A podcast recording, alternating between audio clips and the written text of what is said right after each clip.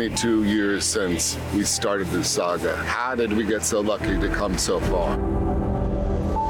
This family is ready to come back together. It's a dream come true. I mean, it's definitely bucket list for sure. Boom. We're at the apex of this franchise. Fast. The heart and soul of the Fast and Furious franchise, boots on the ground, on location. The more movies we make, the bigger they get. We continue to outdo ourselves. Because we owe it to our fans. The enormity of everything hits you like a right hand to the jaw. You still know how to drive? Every time I'm on set, I have to pinch myself. I am now a Toretto. You are now a Toretto. I just have been badgering them to participate in this. It's such an honor to be part of this family. That's the problem with having such a big family. How do you choose the ones you save? We're so lucky to be able to continue this saga for all of you.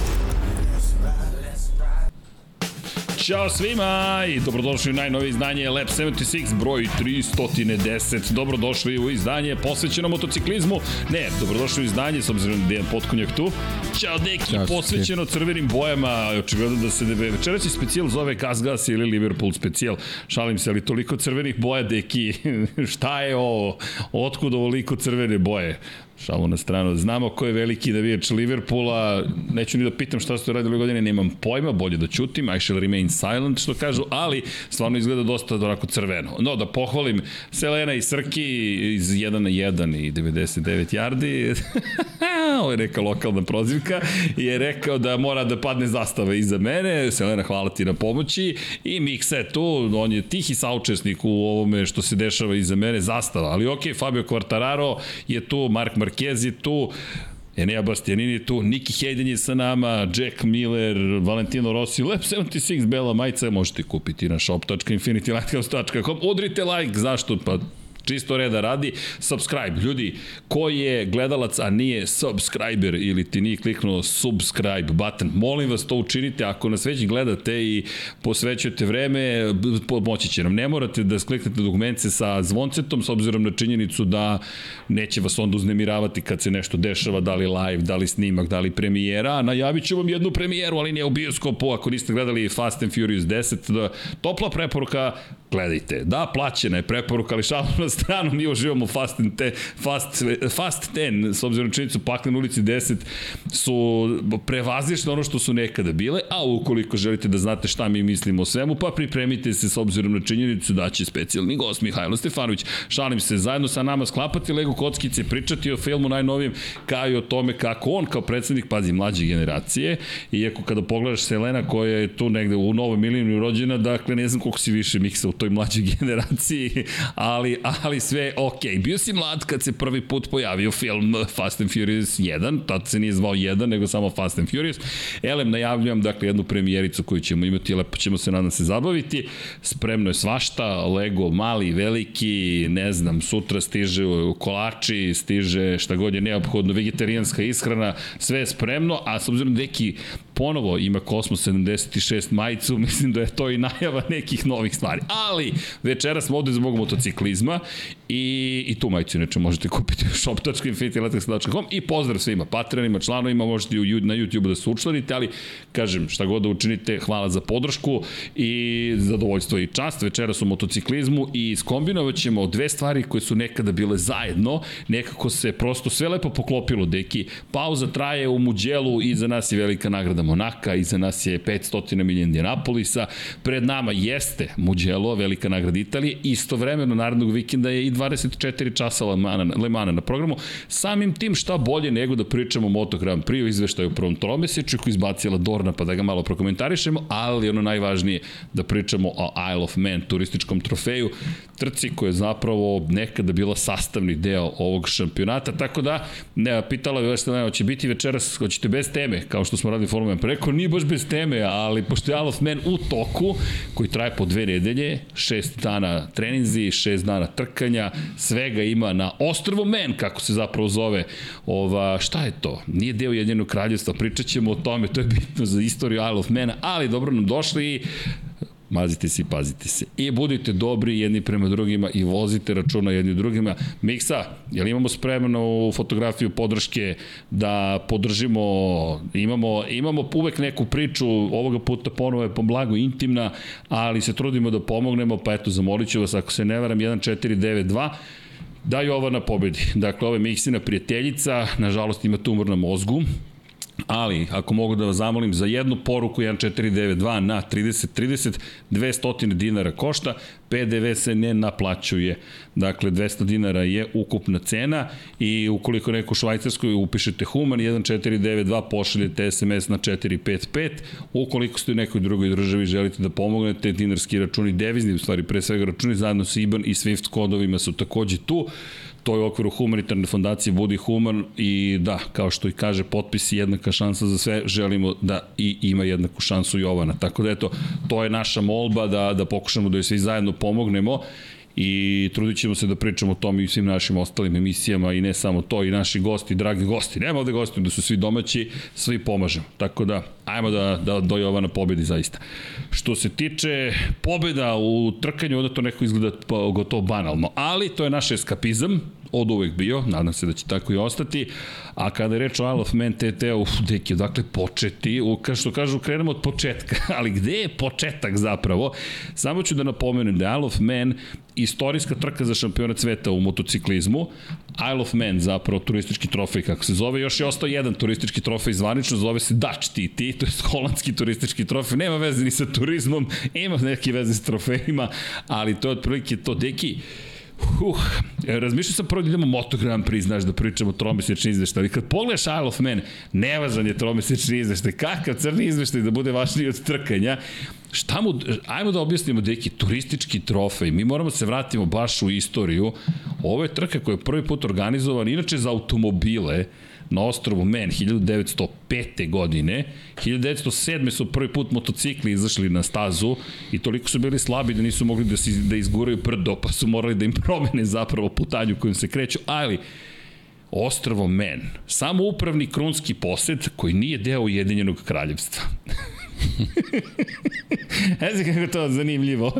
I znate zašto se na ostrovu Men održavaju trke? Zato što je Velika Britanija, to je Ujedinjeno kraljevstvo, donelo zakon 1903. godine, to je četvrte, u kojem se ograničava, ako se dobro sećam, kretanje automobila na 20 milja na čas na autoputevima i, i na 10, ako se dobro sećam, milja na čas u gradovima. I to nije baš dobro prošlo kod nekih ljubitelja brzine i onda smo došli do toga da je Sir Julian Orde rešio da ode na ostrvo Men, koje je zapravo, koje nije zapravo od Ujedinjenog kraljevstva, to je nezavisna država, nezavisna, sad, ne baš, imate gospodara Mena i gospodar Mena je trenutno kralj Charles III, koji, koji zapravo je, dakle, suveren koji vlada tim ostrvom, zapravo guverner vlada u njegovo ime i to je ostrvo koji ima svoje zakone, a Ujedinjeno kraljevstvo vodi računa o spoljnoj politici i ne meša se u, odnosne, u ostale nadležnosti lokalne autonomije. Tako Marker kaže Wikipedia. Zašto je to bitno za ovu priču? Zato što je 1904. Sir Ord rešio, Sir Ord da ode da pokuša da nagovori zapravo čelnike, jel te, ostrava Men, da mu dozvole da organizuje trke na uličnim putevi, to je na ulicama, ako ih možemo nazvati ulicama, pošto nije baš bilo tako asfaltirano. I njima se to dopalo i oni su rekli, važi, doneli su akt 1904. godine koji je dozvolio trkanje na otvorenom saobraćaju. U otvorenom saobraćaju i sve ostalo je što kažu istorija. Bukvalno, evo, 119 godina kasnije, to je danas zvanično najopasnija trka na planeti Zemlje. Ja ne znam da li postoji opasnija.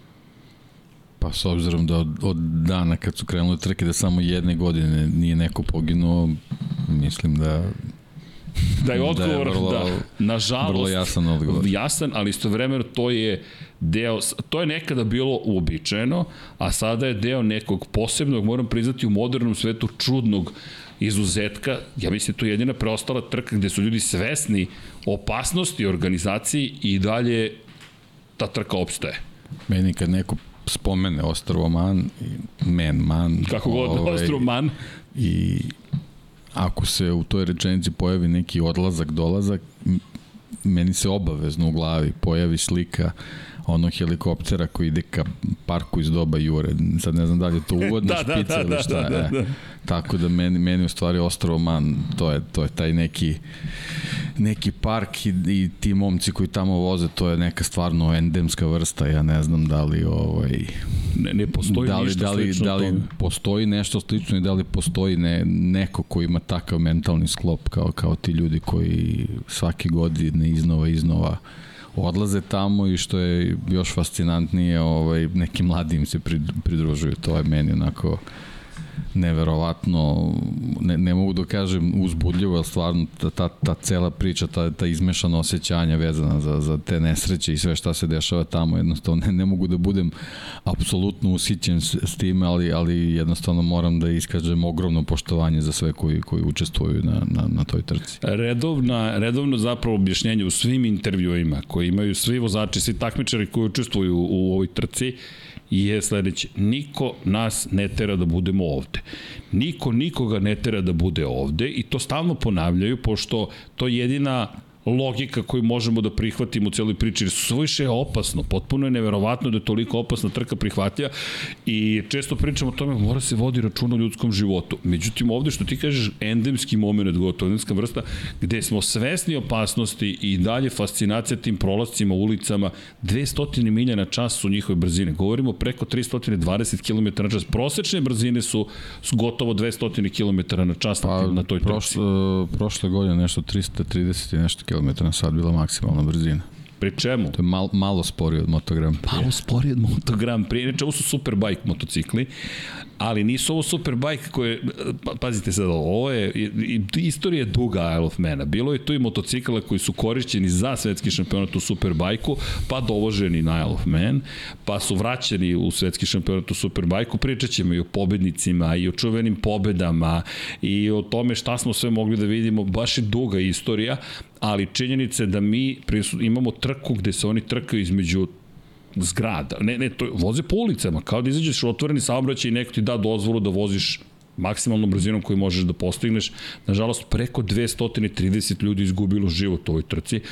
Jedna od najsurovijih na planeti, gladijatorska bukvalno, ali vraćam se na ono što kažu, nas niko ne tera da budemo ovde, mi želimo da budemo ovde i želimo da pobedimo upravo na ovoj trci. Koju god fascinaciju da sa sobom nosi, Isle of Man zaista je posebna priča toliko posebna da zapravo tamo idete trajektom. Postoji aerodrom na Manu, ali pojenta je otići na trajekt. Sada su otvorena sada su otvorene rezervacije za trku za sledeću godinu.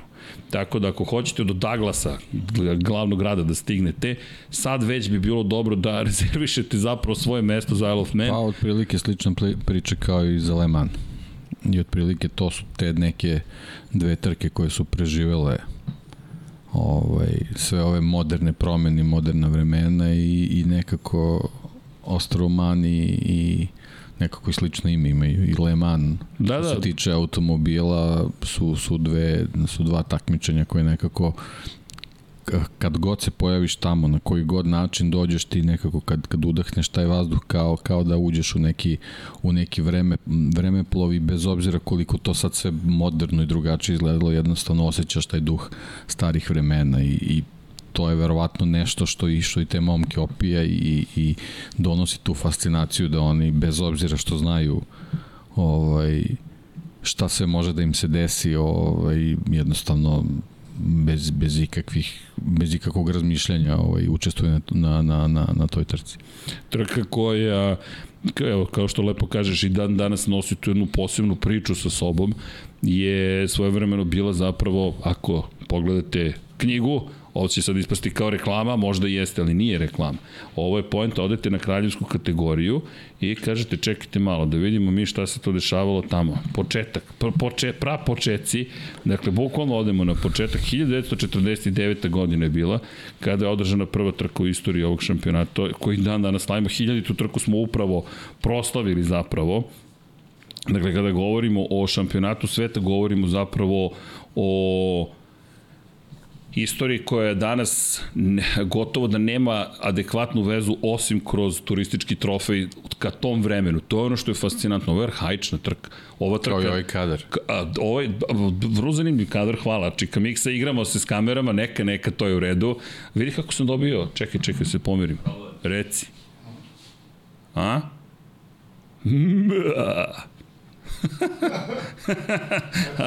ok, dobio sam dobre, dobre. dobre. Mikse se za, zabavljaju sve od neka. Da, ovo je bilo, ovo je bilo, ovo je bilo slučajno, važi. A tebi su dali smajlija, pa ti sad vidi.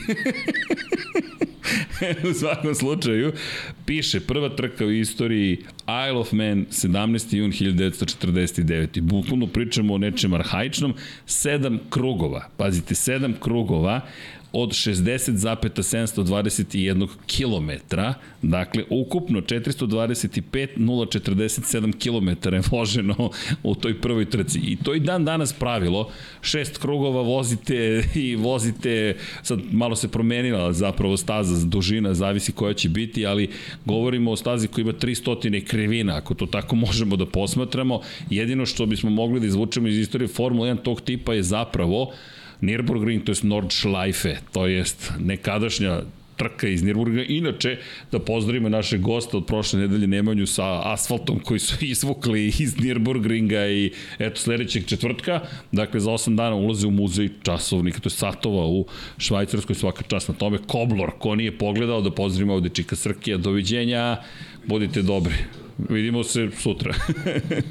dakle, e, ali su, da, nema veze, nećemo tu prozivku da nastavljamo, Srki je suviše dobar. Ali, kako htedoh reći, nema jedan na jedan, nema...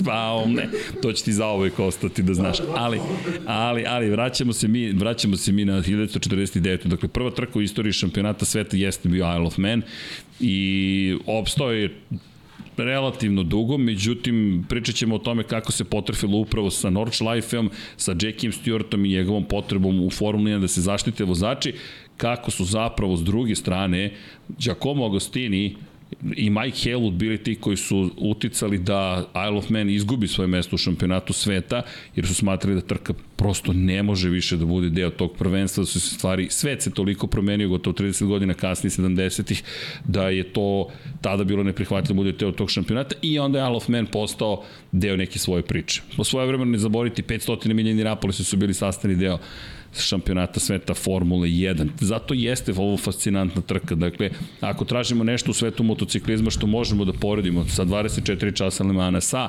500 milijeni Napolisa, kažem, koji su upravo završeni, to je 24 časa stižu, Isle of Man je upravo ta trka. Dakle, velika nagrada Monaka, problem je što je suviše opasno da bi se vozilo. Pa svoje vremeno Monako je motociklizma bio, bila staza u opatiji, ako to možemo nazvati stazom, i nažalost opet previše tragičnih situacija, te je Grobnik zapravo i zauzeo to mesto. Gde si ti, deki, vozio, čekaj.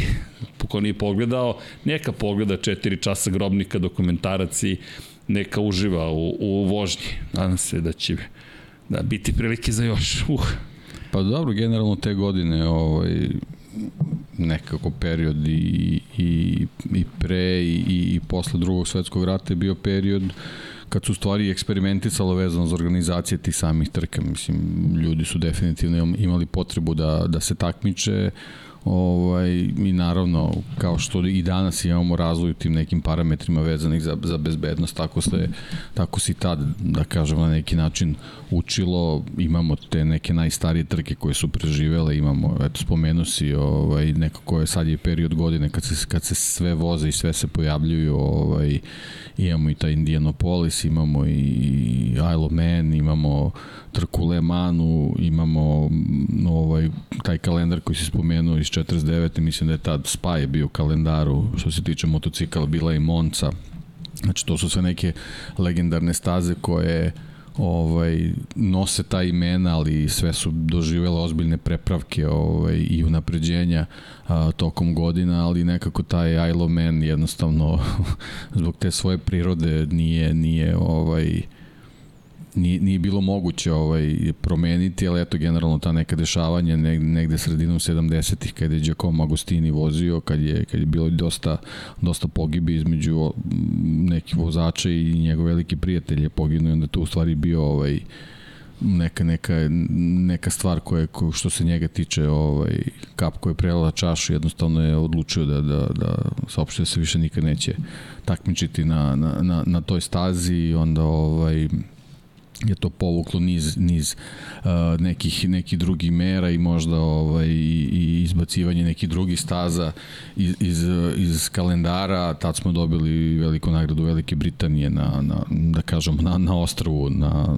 na ovaj na, na stazama koje koje i danas i danas poznajemo ovaj a eto da što se tiče ovaj kad se već spomenuo nekako na našim prostorima taj taj, taj preluk preluka već kako se kako se izgovara je staza koja koja spadala u taj, u taj jedan, jedan eksperiment iz tih vremena gde su ti entuzijasti, automoto entuzijasti iz, iz te kvarnerske regije koja je očigledno regija gde, gde, su, gde su ljudi onako baš zadojeni tom, tom ljubavlju prema automoto sportu ovaj, izrodila je tu, tu, tu prvu, prvu čuvenu stazu na kojoj su vozili, uvozila ozbiljne imena ovaj, posle drugog svetskog rata i ona je u stvari bila uh, taj neki početak tih velikih nagrada Jugoslavije, naravno i ona zbog, zbog ovaj, mera bezbednosti, jednostavno nije, nije bilo mogućnosti da, mislim da je 6 km nešto bio, bio krug ovaj, tamo, ovaj, da, da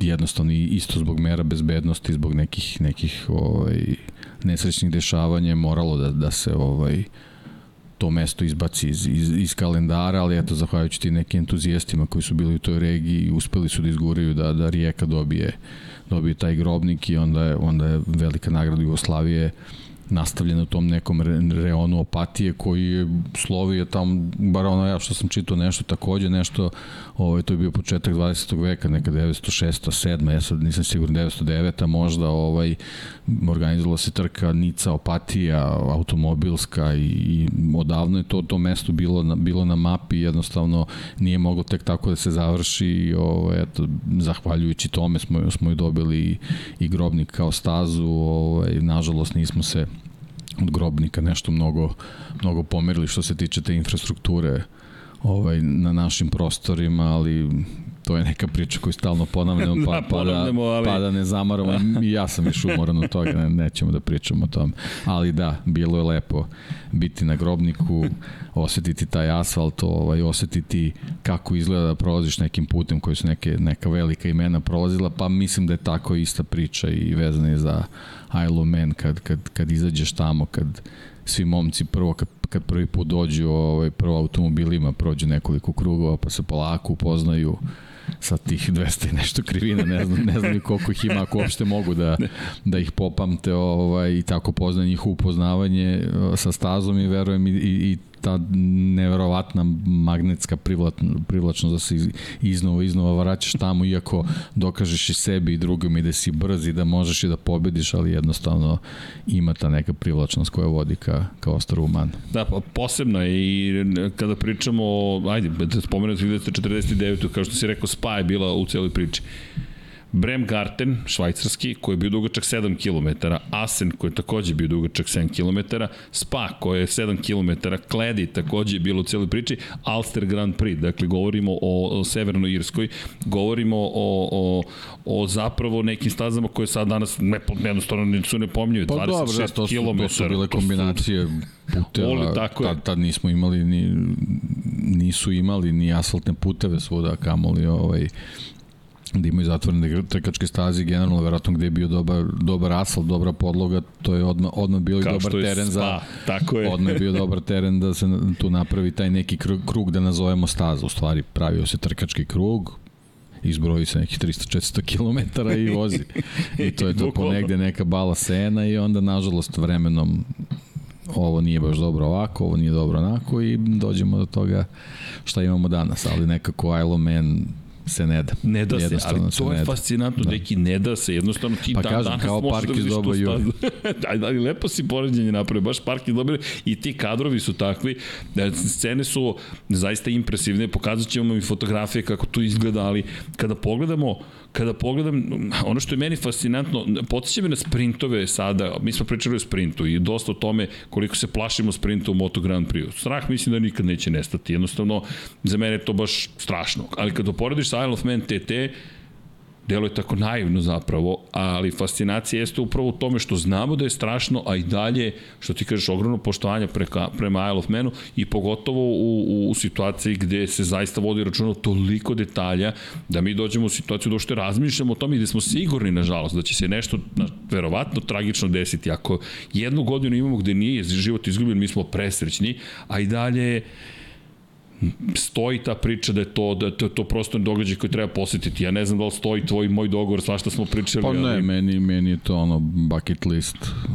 jedna stvar je to koju nisam još uspeo da, da ostvarim je taj još. to ostrovo Manta. Pa da, još. Idemo, tako, deki, tako to stoji, mora da, da se desi. Pa sad, da li ti i ja ili kako ili, god. Kako, ma pa nema, ma idemo, ma nema, nema, ma nema šanse, ne, vidi, to moramo da odemo zajedno na trajekt, pa jesi, pa jesi svestan te scene, taj moment ulaska na trajekt, ja mislim da je tu zapravo trenutak pa jeste, jeste. kada si tu, se... Tu počinje, tako je. počinje konekcija s tom stavom. Tako i onda odlaziš na ostrovo, pazi, to je ostrovo koje se nalazi, dakle, u, u, u pored dva ostrava. Da.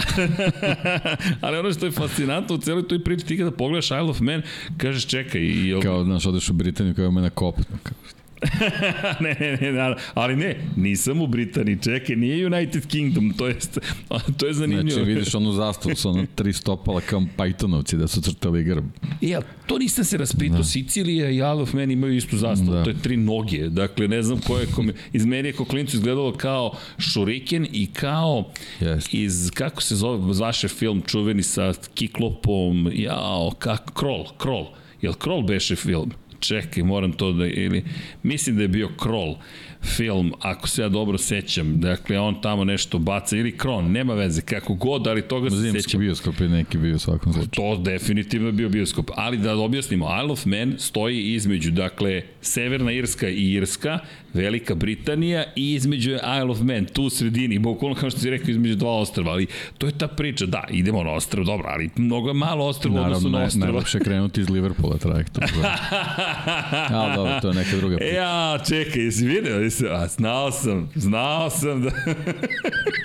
dakle, samo da, da, da ustanovimo plan. Jel idemo kopnom i do Velike Britanije? Dakle, ja sam već išao, tako da znam to put. Pitam, ne treba ti navigacija. Jel, dakle, to je to. Ok, dobro. Dakle, jasan je plan. I onda idemo, kroz London prođemo čisto reda radi. Da, prsten oko Londona. Da ispoštujemo onda da. ka Liverpoolu gore. Pa zavisi gde hoćeš da ideš, možemo i s druge strane Deki. da, da odeš malo na Loch Ness da vidiš ti vodiš, ti reci gde želiš, ali pazi kako. Nije, već kad dođeš tu, potpuno je sve jedno. Vidi, kako da propustiš. Najlepši krug napraviti. Dakle, idemo Liverpool, Douglas, da. Douglas gore ka nešto ka Škotskoj i onda se spustimo dole, a? Po neki Glasgow možeš da... Dobro, te, težak je život novinara automoto sporta, ali šta da radiš, neko mora i to time da se bavi. Miksa, ništa, moramo pokretni studio da organizujemo, ja mislim da je to ne, ne, definitivno plan za sledeću godinu onda, i da snimimo Isle of Man. I mislim da, smo, da nam stoji još uvijek negde poziv, da je neko zapravo ili ide na Isle of Man ili je na Isle of Man. Ko, ako neko u komentarima i dalje tu iz cele priče, javite se. dakle, da vas ne brinite, ne uvaljavamo se na gajbu, što kažu mladi, nego samo hoćemo da vam se javimo bez brige, mi smo jedna dosta do, relativno normalna ekipa. Elem, apropo, dakle, 49. kreneš Isle of Man i odatak kreće sad izvanični šampionat sveta. Cijela ta priča je, je blisko, ne blisko povezana, sastavni deo šampionata. Sada kada se okreneš Le Mans, koji nije toliko sastavni deo šampionata sveta u motociklizmu, ali lepo što je tamo hiljadita trka od prve do hiljadite šta se sve izdešavalo u celoj toj priči, pa i kad pogledamo ove fotografije koje smo koristili u špici, krug bogova, to doći ćemo bez brige, krug bogova, Giacomo Agostini, Valentino Rossi, inače to je bio promotivni krug da Ineze, ako se dobro sećam, mislim da je da Ineze, ili je bio, ko je bio, moram da proverim, ali znam da im je zapravo bio sponsor u pitanju i da su zbog sponzora išli na Isle of Man zajedno. Inače, za one koji ne znaju, ne dva velikana, bukvalno je krug bogova. Giacomo Agostini, 122 pobjede, čovek koji je imao 15 osvojenih titula, imao 15 osvojenih titula, Rossi koji je završio karijeru sa 115, u tom momentu nešto mlađi Rossi, izgledalo je kao da će se zapravo desiti da, da će slomiti sve te rekorde, ne sve, ali da će slomiti rekord po broju pobjeda Giacomo Agostini, to se nije desilo, ali bi bilo zanimljivo vidjeti ih zajedno i kako lagano voze. Nisu baš išli da nisu išli da, da, da, da, da se takmiče i rekao Valentino Rossi, ovi ljudi su ludi. Kada to kaže čovek koji zapravo vozi u šampionatu sveta motociklizmu, sve vam je vrlo jasno. Inače, u to vreme na Yamahi na jedinici je došao i da Ineze, da, da Ineze je organizovao celu tu priču i to je bilo, eto, u promotivnim svrhama je bilo lepo videti ih zajedno, Ago i, i Vale. U to vreme Vale, to je Fiat Yamaha još bilo, to je neka 2008, 2009, 7, tako nešto, ne mogu sad da setim tačne godine, ali znam da je bilo, ne, 2009, setio sam se, 2009, 100%. U svakom slučaju, eto, skoro pa 15 godina od tog kruga bogova. Da se vratimo mi turističkom trofeju. Dakle, TT je 1976. poslednji put organizovan u okviru šampionata sveta i kao što smo rekli, prosto vozači koji su bili ključni u tom momentu, pre svega Giacomo Agostini, su bili rešeni da zapravo Isle of Man više ne bude na prog na kalendaru, ništa to nije bilo lično, jednostavno su smatrali da zaista nije pa više dobro, moguće. kažem, njemu je bilo lično, njemu je veliki da. prijatelj poginuo, Ali ne lično prema čini mi se, on je već, toliko... da, da, da, i onda jednostavno kad neko ta, takvog autoriteta to izgovori, pritom i sam beleži pobede tamo, znači nije, nije rekao iz razloga da bi ovaj, sebe zaštitio nastup, on, on se tamo već dokazao, jednostavno rekao da, da apsolutno nema više smisla da, da se vozi trka, ta 76. Ovaj, je nekako generalno ovaj, u, u tom periodu onako bila prilično uh, ovaj, nekako obelažen tim nesrećnim, nesrećnim dešavanjima, a ovaj, vrhunac je bila, bio avgust te godine kad je Niki Lauda goreo na Nürburgringu i onda nekako ta godina u stvari bila prelomna i za za planetu rođenjem Srđana Ercega, a sa druge strane i, e, ja ne verujem da odlukom, je ovo radi, odlukom da te neke ovaj, stare staze jednostavno odu u prošlo što se tiče modernih šampionata. E, redko to uradiš, ali ovo je bilo, ok, ovo je bilo baš neočekivano. Hvala, deki. Hvala tebi. Ali, da, da, da, da, kome, ko treba da dobije rogove? Ja, ja ili on? A, deki, dobro. Bar si me učutkao. Na kratko. Znaš da je, da je juče bio komentar, da najviše kad sam čuto bila je velika nagrada Brazila, kad ste deki, tu deki, kad ste plajiti krenuli Verstappen, Perez, Verstappen, Perez, ja sam to prvi put čuto, ja mislim u životu, verovatno, ali hvala deki. Moramo da napravimo Lab 71, ja mislim, isto, to ne bi bilo zgore. Može. Ma dobro, to je, to je nekako uobičajeno ne, ipak. Ne, ne, ne. Samo u Monaku ima 76 krugova plus, je tako? Da, 78 ne. ukupno, ali ovde nam je, 7, tu je negde, 76 izdanje Monaka, ali dobro. Hvala deki, sad si me zbunio. E, vratit ću se sad, nazad, do priča se tebi spominju basistu. Slap, the like, tš, italijanski basista koji kao da lupa šamari, on ne znam, milione ljudi ga gleda i on koji je kao, tš, now slap that like button. Pojenta je zabavljati se. Ali da, u tom periodu, što ti kažeš, i Niki Lauda i pogibije i mnogo toga se dešavalo generalno duž cijele planete, gde je počelo da se radi na bezbednosti, nekako je bilo i logično da će se to desiti sa TT-om. E, kada, kažem, spominjamo TT, čudno je, čudno je uopšte pričati o toj trci da bilo kakav neki uobičajeni način. E, pričat ćemo o herojima, ali evo, Miksa šaljem ti par fotografija čisto da pokušamo da dočaramo zapravo o čemu se tu radi. Radi se o tome da, da kroz uobičajena, možemo reći, tradicionalna britanska se, sela, mala mesta, prolaze ljudi i pomisliš, jel da oni stvarno ovde vozi ili ovo je sad neko, nešto namešteno zapravo u celoj priči. Da li mi sad ovde pričamo o tome da je ovo promotivna fotografija? Ne, nisu promotivne fotografije, ti ljudi zaista voze uz zidove, ti zaista voze na, na sa otvorenom drumu, zaista voze preko preko 330 km na čas, da imate i trke prikolica, to jest imate svega, ima i nižih kategorija, mi se fokusiramo na takozvani senior TT. To je, da kažemo, glavna trka. I to je, inače, 77. godine kada je van šampionata bila trka, uvedene se takozvane F1, F2, F3 kategorije, Formula 1, 2, 3, kako bi zadržala status međunarodne trke, pa je to vremeno menjeno, ali pojenta jeste upravo u tome da, da trka nijednog momenta nije štela da odustane od toga da bude značajan deo priče, da, da je značajan deo zapravo istorije i, i sporta i da je sastavni deo nekog globalne priče o tome da kako si motociklista moraš da Da, da, da makar znaš šta je Isle of Man. I prethodnih godina smo se trudili uspod da spomenemo, ali ovek nekako se sve lepo potrefilo. Imamo pauzu, možemo da pričamo o Isle of Manu, uklapa se u celu priču o tome da su istorijske trke oko nje, pa eto i koristimo priliku, još hiljadita trka se desila, zaista ima puno razloga. Elem, šta je još važno spomenuti u ovoj priči? Dakle, da, najopasnija trka. Inače, najviše pogibe smo, nažalost, imali pre 20 godina. Devet ljudi je poginulo tokom jedne sezone. To, su, to je strašan broj jedne sezone. To je u roku od 12 dana. 14 dana vi izgubite 9 života. To je, to je nezamislivo, bukvalno, ali to je sastavni deo te priče. Jeste i u, u, u, u, u ovaj, u skladu s tim, mislim, treba spomenuti prošlu godinu gde je stvarno bilo ovaj, izuzetno mnogo pogibija, ovaj, dosta vozači završili u bolnici, tako da ovaj, 22. će po tome isto ostati onako zabeležena crnim slovima što se toga tiče, ovaj, posebno što je to bila godina koji su se, to je trka koji su se svi radovali zbog, zbog pauze, zbog korone, međutim eto ovaj dosta dosta pogibije je bilo ovaj naročito ovaj u, u, u trkama prikolice tako da ovaj jednostavno eto kad god se i pomisli da da da će se možda nešto nešto promeniti jednostavno ta trka pokazuje da da, da čudi koje, koje ovaj,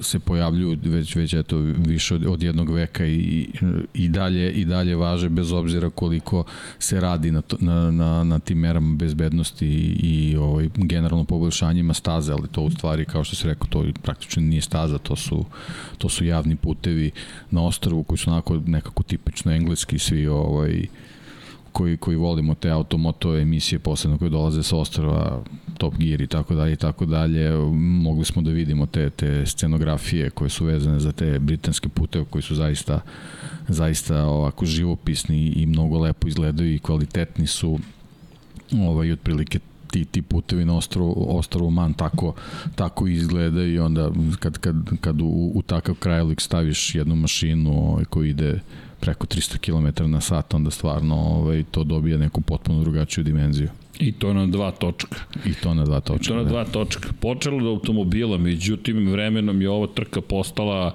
zaštitni znak motociklista zapravo i kada pričamo kada bukvalno kada pričamo o, o, o, o ovoj trci Dakle, mi govorimo o, o motociklima. Možemo da zaboravimo četvorotočkaše. E, kada govorimo o ljudima koji su izgubili život, samo želim da napomenem da 2005. je bilo taj najsmrtonosni 11 ljudi izgubilo život. Ne gube život samo vozači, gube i zvaničnici, gube gledaoci.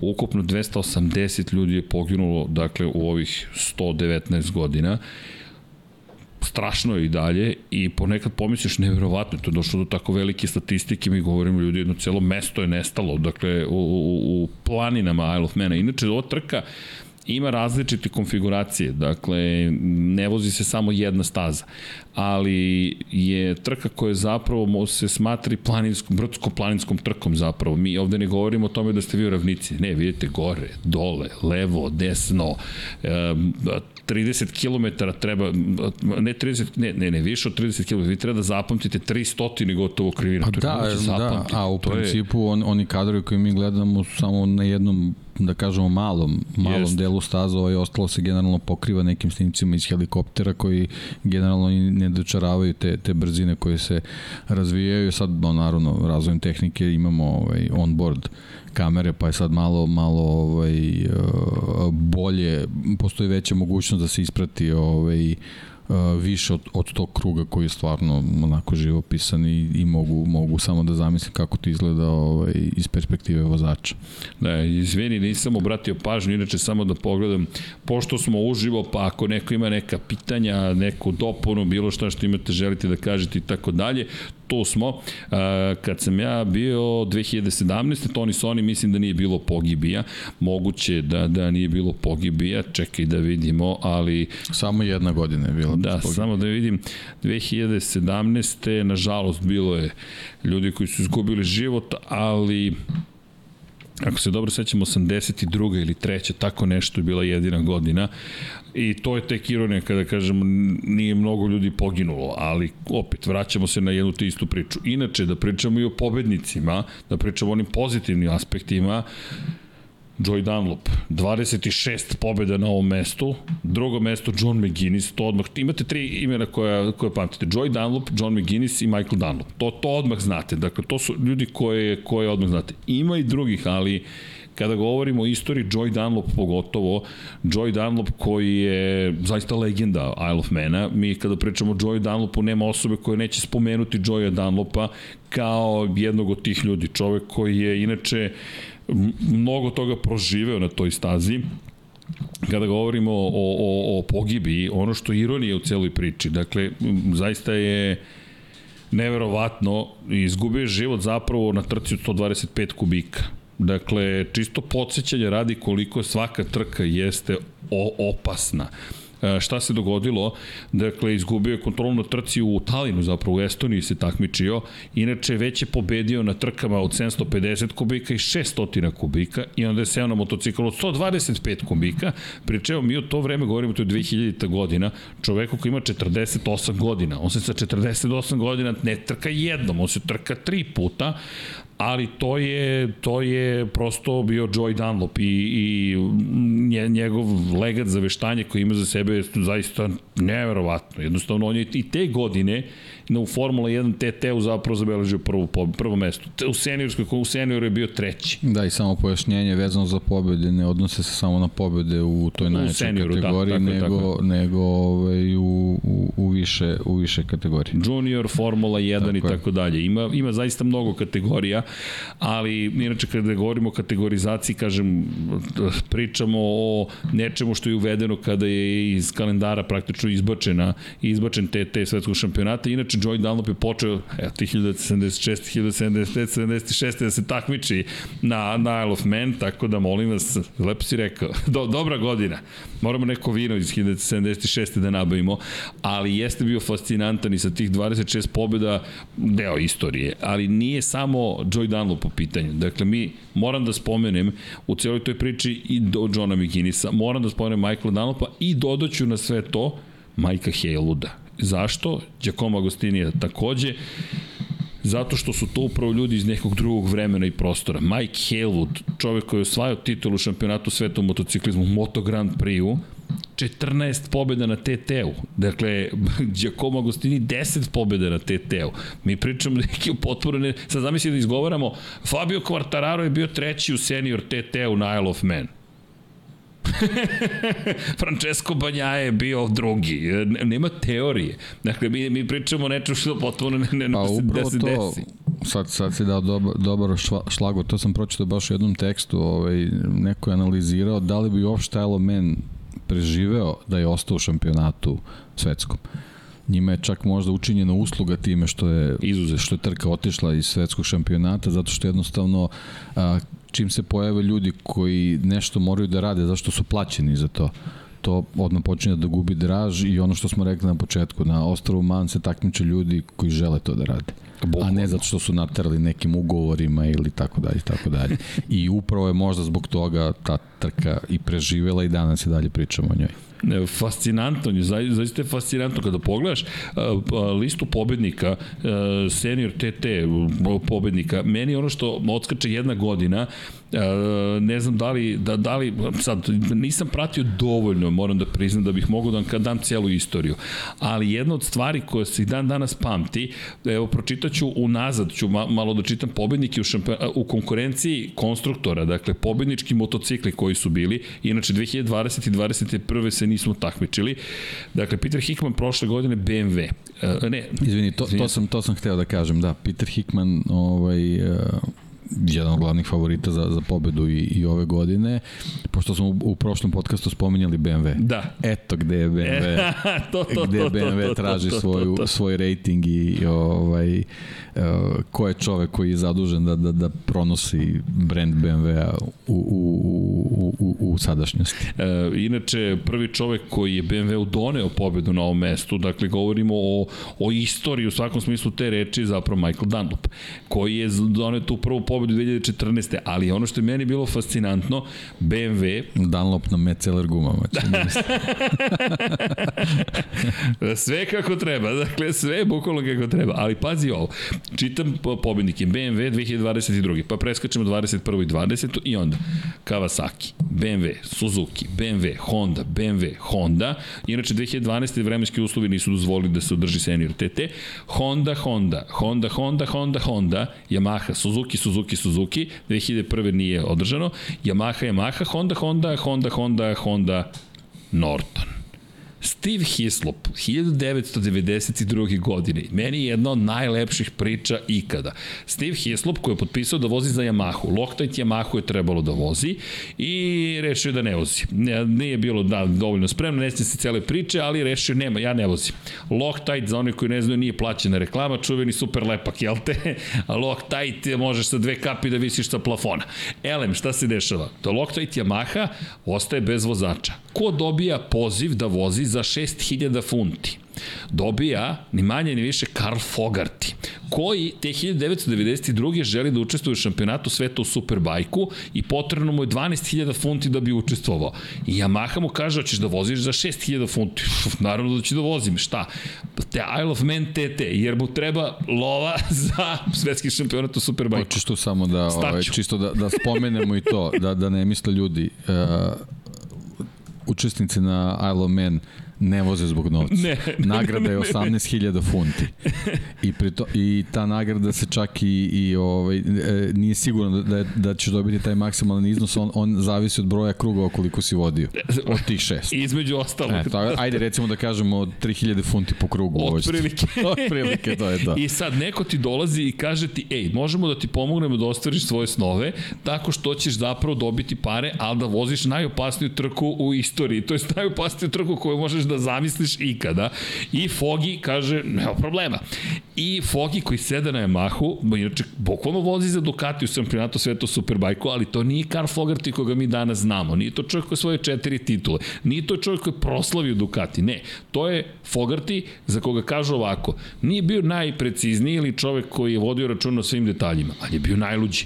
Dakle, to, je, to su komentari iz te trke još. Steve Hislop, inače legendarni vozač, čovjek koji je, ja mislim, 11 puta pobeđivo na Isle of Manu, koji u tom trenutku je bez angažmana zapravo, Steve Hislop koji u tom momentu već imao nekoliko pobjeda. Karl Fogarty takođe, da se razumemo.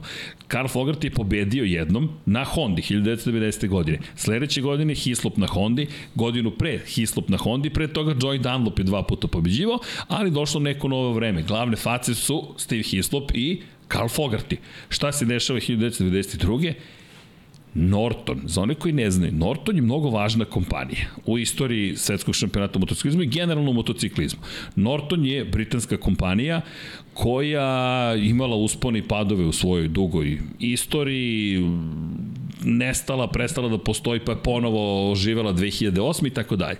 I ekipa angažuje Steve Hislopa da vozi Norton ali uz sledeći, kada je prvi put testirao, rekao, evo, rekli su, nije baš bio najsrećniji i rekli su mu, ajde ovako, poznaješ nas, Znaš, to je sedam mehaničara i šef ekipe. Znaš da ćemo napraviti motocikl kako god znamo i umemo i dajemo ti obećanje da ćemo to učiniti. Ukoliko to ne uradimo, ne, imaš ne, s punim pravom napusti projekat. Hislop ostaje veran projektu. Šta se dešava? Motor je toliko krhk da oni imaju problem sa smešom ne mogu da pogode smešu, pošto ukoliko promaše smešu, počinje da se dešava pregrevanje motora. Takvo pregrevanje da je zapravo na izduvu 1100 stepeni Celzijusa bilo u jednom momentu i komentar šefa ekipe je bio da vozite noću ovu trku. Znali bi gde smo na stazi. Znali bi se gde smo bukvalno na stazi. Kaže, gori metal, jer to, to, to, to više nije, to je naranđasto, kao, ne znam kako neko nekad zapalio prejaku vatru, pa čunak kad pogleda i kaže, možda da spustimo malo broj drva koje smo ubacili, jer će sve da izgori. Ele, bukvalno je goreo taj izduvni sistem i motor je pucao, krhki bio, čak je u jednoj od trka pripremnih stradao posle pet krugova. Tako nešto se desilo. Elem, oni nemaju pojme da li će to da preživi. Taj motor se inače čuva u muzeju, onda su ga oplepili selotejpom, to je samolepljivom trakom, ne bili preusmerili vazduh ka unutra ka hladnjacima, oni su tako pokušavali da ga rasklade više. Pri čemu se sve raspadalo na motociklu, dakle sve. Motocikl koji je bio mnogo mod, jak. Kao naš Ducati. Kao naš Ducati, tu je negde otprilike. Ali šta, gde je caka u celoj priči? Što? Ajde sad, oni su sve to napravili. Što ne može da se vozi. Dakle, niko ne očekuje ništa od Steve Hislopa, motor samo na pravcu ide brzo i to je to. Niti skreće, niti je izbalansiran, ništa, apsolutno ništa. Međutim, šta radi Steve Hislop? Steve Hislop ulazi u lični duel sa Karlom Fogartijem, jer njih dvojca se zapravo bore za čast. To je ovo što ti pričaš. Nije 6000 funti. Fog je inače tada postavio rekord staze, za 3 sekunde ga je popravio i rekao je na pobedničkom postolju kada je Hislop pobedi, inače Fogart je prvi prošao kroz cilj, vozači kreću u razmacima od 10 sekundi jedan od drugoga I Fogi koji prolazi kroz cilj postavlja rekord staze i prvi je i čekaju odbrojavanje. Da li 10, 9, 8, 7 i stiže Hislop i pobeđuje ga na Nortonu. Pri čemu ni Hislop u tom momentu ne shvata koje će ludilo da nastane. Jer je to Britanac na britanskom motociklu. U momentu kada Norton, u Nortonu niko ništa ne očekuje. To su Honda. O čemu pričamo? Norton je Piccolo. Dakle, mali jedan mala fabrika i gigant koji tamo gazi sve. Međutim, pobeđuje Ali, pazi sad ovo priča, najlepši detalj meni sa Isle of Man. Fogi koji uzima trofej za drugo mesto i u momentu kada izgovaraju ko je pobednik, Steve Hislop sve ok, a onda kažu, a, novi rekord staze, Karl Fogarty. I kaže Hislopu samo ovako ramena pala. Kaže, u tom trutku sam bio srećan. Yes! Potpuno kao, jer to je jedino bitno, to nešto se, pa nije bitno što nisam pobedio, ali eto ti najbrži krug. De, ali to je to o čemu ti govoriš, kako crno trkanje za pare, ne, oni se trkaju jedan protiv drugog u takvoj trci.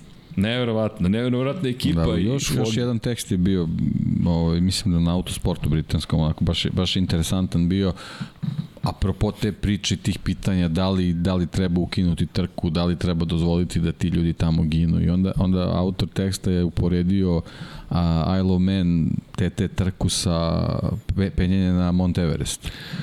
Kaže, tamo je preko 300 ljudi izgubilo život. Da li neko može da zabrani ljudima koji koji posvete život da bi se da bi osvojili taj vrh da, da li neko može da im zabrani da da se da se penju gore to je onako eto sad sad neka priča za, da. za ova naša moderna vremena, ali eto, generalno, otprilike ta, ta, ta ali neko... lepo poređenje. Jeste, to, to neko, ovaj, i ushićenje za ostvarenjem tog životnog cilja otprilike nekako može da bude, da bude slično. E sad ovde je dodatno onako ozbiljna enigma vezana za, ta, za taj mentalni sklop, ti jednom kad pobediš na Iron Moćeš. Apsolutno ne, ali kao da to apsolutno ništa ne znači, ti se vraćaš. Ti se vraćaš. Generalno sa Mount Everestu, vjerojatno jednom kad ga osvojiš, to je, to je sasvim okej. Okay. Ima naravno ljudi, primjera da. ljudi koji, koji žele to, taj podvig da ponove, ali, ali da neko pobedi 23, 4, 5 puta ili da se 23, Zašto? 4, 5 puta popenje na Mount Everest, mislim da nema, osim Sherpasa, niko ne, ne zna koliko su puta da, da, to je zanimljivo, njima da. niko ne proiga. E, ti si lokalac, ti si odavde, otprilike. da, a inače da, kad već pričamo o tim lokalcima i to momci koji se nađu ovaj, na, na Ironmanu regularno voze britanski superbike šampionat. Mislim, to su generalno ti, ti vozači, njima je u principu nekako u agendi da uz ovaj, British Superbike dođu i na, na TT. Naravno, nije, nije baš lako ni doći na TT. Moraš da dobiješ posebnu licencu, posebnu dozvolu uz, uz regularnu trkačku licencu moraš da imaš i licencu uh, za vožnju na Isle of Man, inače košta 25 funti, nije, nije u tome poenta, ali, ali poenta da jednostavno organizatore uveriš da si sposoban da se nađeš na toj trci. Da, ne, me fascinantno, zaista kada pogledaš i lepo, ali mi je mnogo lepo poređenje koje si dao sada, dakle, mo, mo, nije moje, nije tvoje, ali, nije moje, ali okej. Okay. sam i zaista mi se svidelo, ovaj, kako je jednostavno ima. objašnjeno o čemu se radi. Pa ima, baš lepo. Evo ima pitanje da li postoji negde stream za gledanje Srbije. Mm, nisam pa, siguran... Ne, uh, ja sam negde našao ovih dana, ima kao kako gledati, možemo, podelit ćemo kad budem nam pronašao, ovaj, biće, biće nek, neki Samo da vidim gde mi je to. Ajde, naći ću kasnije sad. Da, ne... da evo, Ivan da. kaže, ima geopolitička slika Isle of Man. Vratite na početak, to nam je prvi uvod, zapravo, odatle mora sve da krene. I Boris kaže, mislim da nema ograničenja. Upravo to jeste pojenta što su dozvolili zapravo da imate jedan poseban akt koji izbegava sve ono što je Velika Britanija uvela 1904. Ali opet kreće od entuzijasta. To je, ja mislim da to zapravo eufemizam za ludake, da. ali iskreno, da koji se sakriju. Ali to se ne dešava u inat nekome. Ne, ne, ne, ne, to je želja za trkanjem. Je, Nije on hteo da pokaže Velikoj Britaniji da to ne treba da radi, nego on hteo da se trkaju i dalje, pa kao šta ćemo? Aha, imamo ovde državu koja jeste pod nekom vrstom patronata Velike Britanije, ali nije deo Velike Britanije, super, to je jedino kraljevstva, ajmo mi tamo da vidimo da li možemo nije da dogovorimo da odemo. To blizu je to upravo to i dogovorili su se. I zato je Isle of Man dobio to sad sve što je dobio, ali ali ali ali ali ali kažem to to što ovo što si sad upotrebio kao to što su si preneo, dakle čije god da je mišljenje, mnogo mi se dopada, jer to i, i, i jeste to. Pa evo jedan od komentara, kaže mi Guinness 50 i više godina još vozi, juče bio treći na Hondi, ali bukvalno to je, vraćate se. E, ko je ono imao jedan od najvećih incidenata, mislim da je Collins, ako se dobro sećam, čoveko je pobegao prednji kraj, pred liticom. I odleteo mu je, preživeo je, ali, dakle, gubi kontrolu na motociklu, motocikl odlazi u ponor, on preleće u ponor, sleće i vidiš efekat krpene lutke kao skijaški skokovi kada su nažalost oni najgori incidenti. I on koji priča godinama kasnije slomljena kičma, dislokacija kolena, prelom ruke, bilo je grozno, ali posle mnogo godina rada fiz, psihofizičkog, to je bilo tada, a ovo je sada. I čovjek se bori za pobedu ti sad, sad, sad njemu I da kažeš. I sad kao Mission Impossible, Tom Cruise kače sa motociklom u ponor. Fast, to je već viđeno. Ovde su snimali Fast 10 uživo. dakle, ovo je Fast and Furious, ali u, u realnom životu, deki, bukvalno. Fast and Furious, da. Ovo je baš Fast and Furious. Ovo je zapravo pravi Fast and Furious. I ti kada pogledaš sve te ljude, ne, ne, nemaš šta, šta da, i šta, da, i šta ti njemu da kažeš. I on, po, I on izgovara tu rečenicu, kaže, samo da se razumemo, ja sam ovde zato što ja želim da budem ovde. Mene niko ne tera na, na, da, da, da, da budem ovde.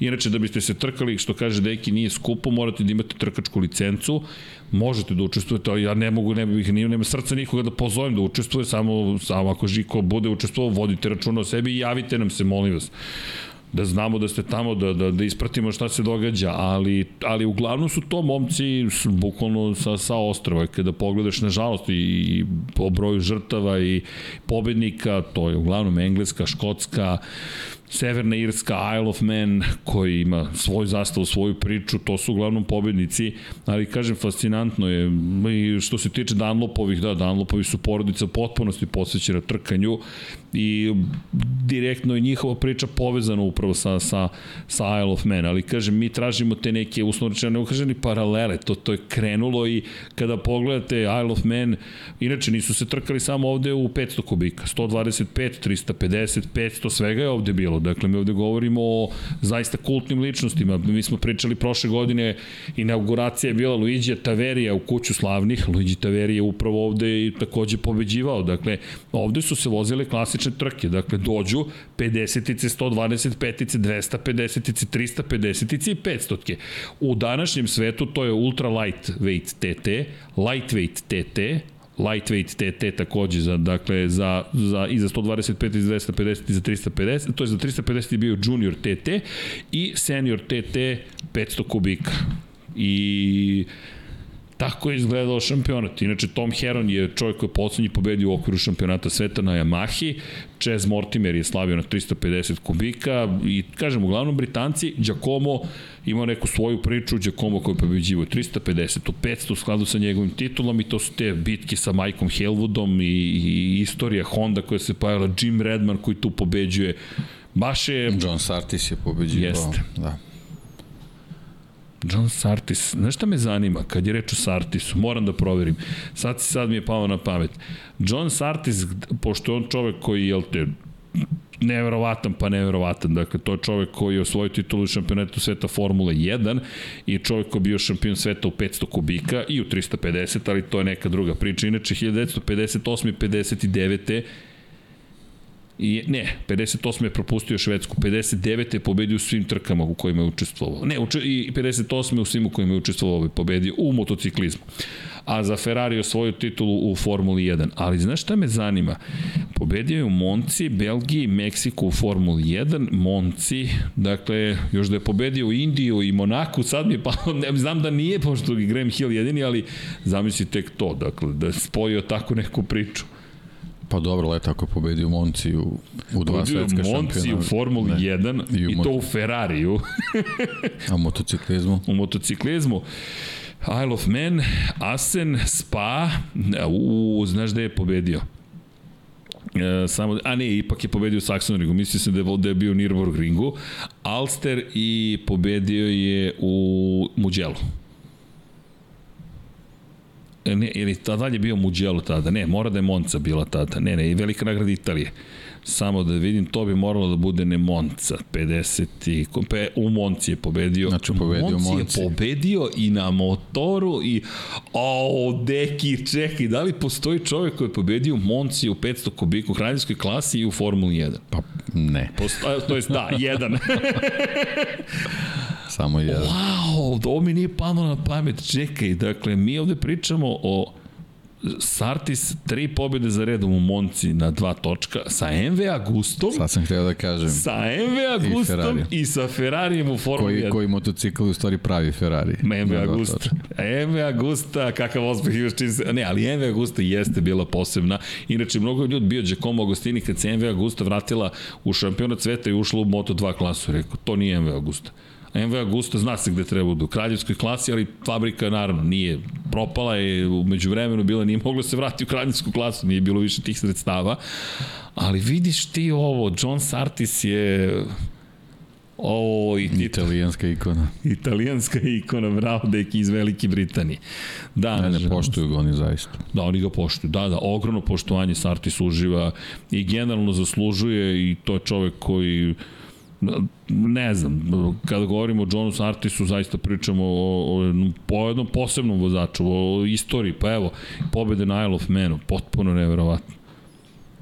Neverovatno, zaista, kad pomisliš šta je taj čovjek postigao, pff, fascinantno. Ali, dobro. Da, inače čovjek koga smo izgubili pre koliko, 6-7 godina, tako nešto, ali doživio je duboku starost. Uh, Sartis, inače čovek koji, kada pričamo o nekim drugim stvarima, ne možemo reći baš da, bi, da, je, da je imao jednostavan život, s obzirom na činjenicu da, da kada pričamo o, o porodici Sartis, nažalost tragično je preminuo Henry Sartis, momak koji možemo reći da je zajedno sa Žilom Bjankem, čije smrti Žila Bjankija direktno dovela do toga da se kreira Oreol, za oni koji ne znaju, Sartisa je nažalost u Formuli 2 na trci u Brands Hatchu pogodio točak koji je odleteo sa drugog vozila direktno u glavu, trenutno izgubio život i kada danas pogledamo koliko puta je Oreol spasao nekome glavu, bukvalno... Evo sad smo imali situaciju na Indiju. Da, u finišu trke bukvalno ovaj, neverovatni kadrovi iz kokpita. Ono kada se kamera okrenula još ka njemu, da, da. da. Kao, kao Space Shuttle kad prolazi kroz atmosferu, bukvalno je tako izgledalo. E, zastrašujuće. Još oni nemaju Orel, već imaju ekran, to jest imaju ne ekran, nego imaju vetrobransko staklo praktično, mm. ono je neprobojno staklo, možete da pucate ono staklo, bukvalno je u pitanju blindirano staklo i srećem, juče smo pričali o tome i onaj točak koji leti, zastrašujuće scene, sreću svi preživjeli. I na kraju ovo devojka što je ostala bez automobila doveli je da poljubi cigle u ciglani, ne, na kraju ispolo sve kako treba, ali da, Henry Sartis, prosto da spomenemo momka, nažalost je nažalost izgubio život. Ne, da, inače to je trka znači. u kojoj učestvuje Miloš Pavlović. Čisto eto da spomenemo čoveka sa naših prostora.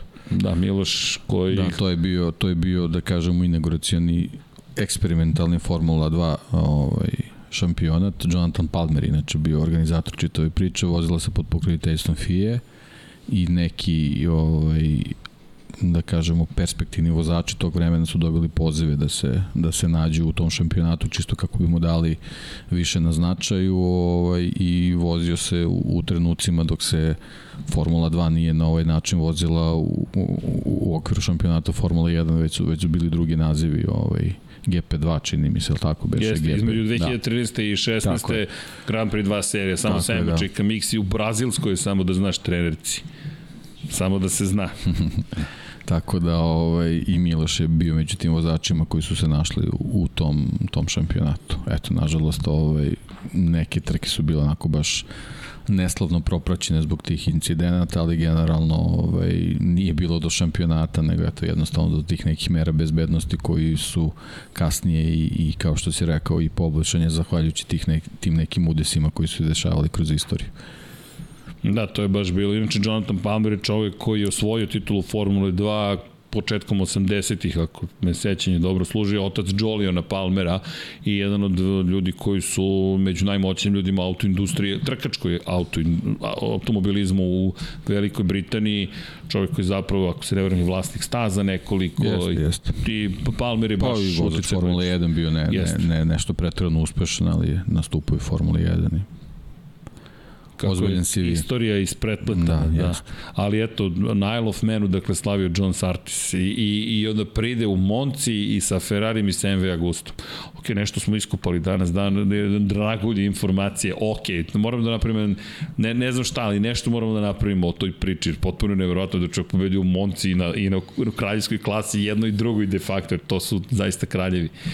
A kada pričamo o, o o rekordima, na primjer, malo pre smo pričali, samo da napomenemo da trenutno Michael Dunlop drži rekord, dakle kada govorimo o, o samoj trci, race time takozvani, i da je uspeo 2018. za sati 44 minuta da završi trku. Čisto da znate koliko i traje ta trka, šest krugova se vozi, u supersportu i lightweightu četiri se kruga vozi, u lightweightu uh, u nižem, kada govorimo o, o nižoj kategoriji 3 i kada govorimo o da kažemo, rekordima staze, zaista je nevjerovatno kada pogledate koliko, koliko jure, dakle, da, da dođe do tog rekorda. Dakle, tu nema suzdržavanja. Mi tu ne govorimo o tome da je neko suzdržan u cijeloj priči i da kaže, ej, ne, ja ću sad da usporim. Inače, u senior TT-u Hickman je postavio rekord 1.43.08.065. Prosečna brzina je bila 211,95 km na čas na ulicama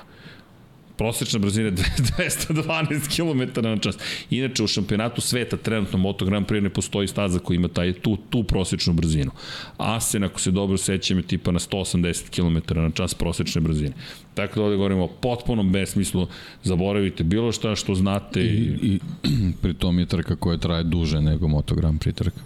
Da, to, to, to, to, to, pa dva i po puta skoro da kažem, pa, ni kažem 45 minuta recimo mm. Moto Grand Prix trka. Ovde je sat i 44. Dakle, po 2,2 hajde. Pa, da. Ne smijem ništa ni da kažem. ne smijem ništa ni da kažem. Ne znam šta, ne znam što šta da kažem zapravo, ali, ali osim da mogu da kažem da se divim zapravo ovim ljudima da je potpuno neverovatno. Ali dobro. Deki, kada pričamo o budućnosti TT-a, Da, trenutno trka u toku, zapravo da. mi čekamo sledeću nedelju da vidimo ko će da pobedi.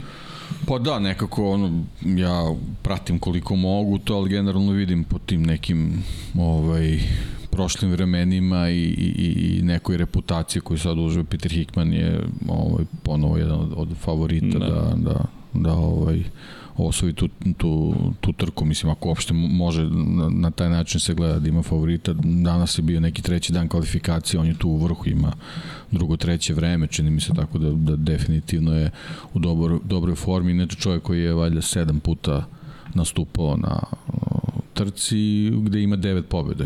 Upravo to što smo pričali, pošto ima ovaj, više pobjeda nego nastupa, logično da, da vozi ovaj u više u više kategorija, ovaj, a od nekih novih vozača Glenn Irvin je ovaj, moma koji se tu ovaj, ističe više od ostalih, on je debitovao prošle godine i postao je najbrži debitant u istoriji ovaj, trke, tako da eto, nekako samim tim, pošto nije, nije baš jednostavno ovaj, Da, ostvariti te prosečne brzine. 208 km, zapeta 9 km tako na čas. Je, tako da ovaj, samim tim već, već pokazuje da, da ima ovaj, potencijala da bude neki neki novi legendarni vozač na, na, na ovoj stazi. Inače, kada spominjemo rekorde, čist rekord staze Hickman drži na BMW-u, ako se sećate prošle emisije, S1000RR, dakle, apropo to komentara gde se BMW zapravo dokazuje i pokazuje i u tom rekordnom krugu prosečna brzina mu je bila 217,98 km na čas.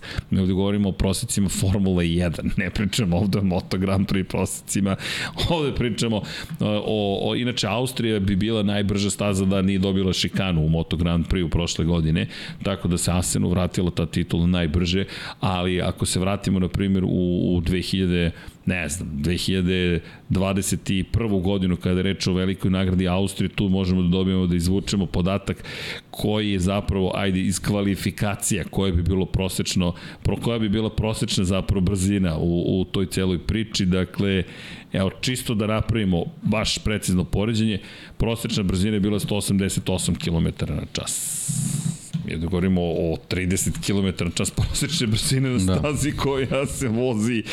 Čekaj, koje vreme, da ne zaboravim vreme, 16 minuta 42 sekunde i 778.000 tinki. Dakle, 17 minuta vozite prosečnom brzinom od 218 km na čas.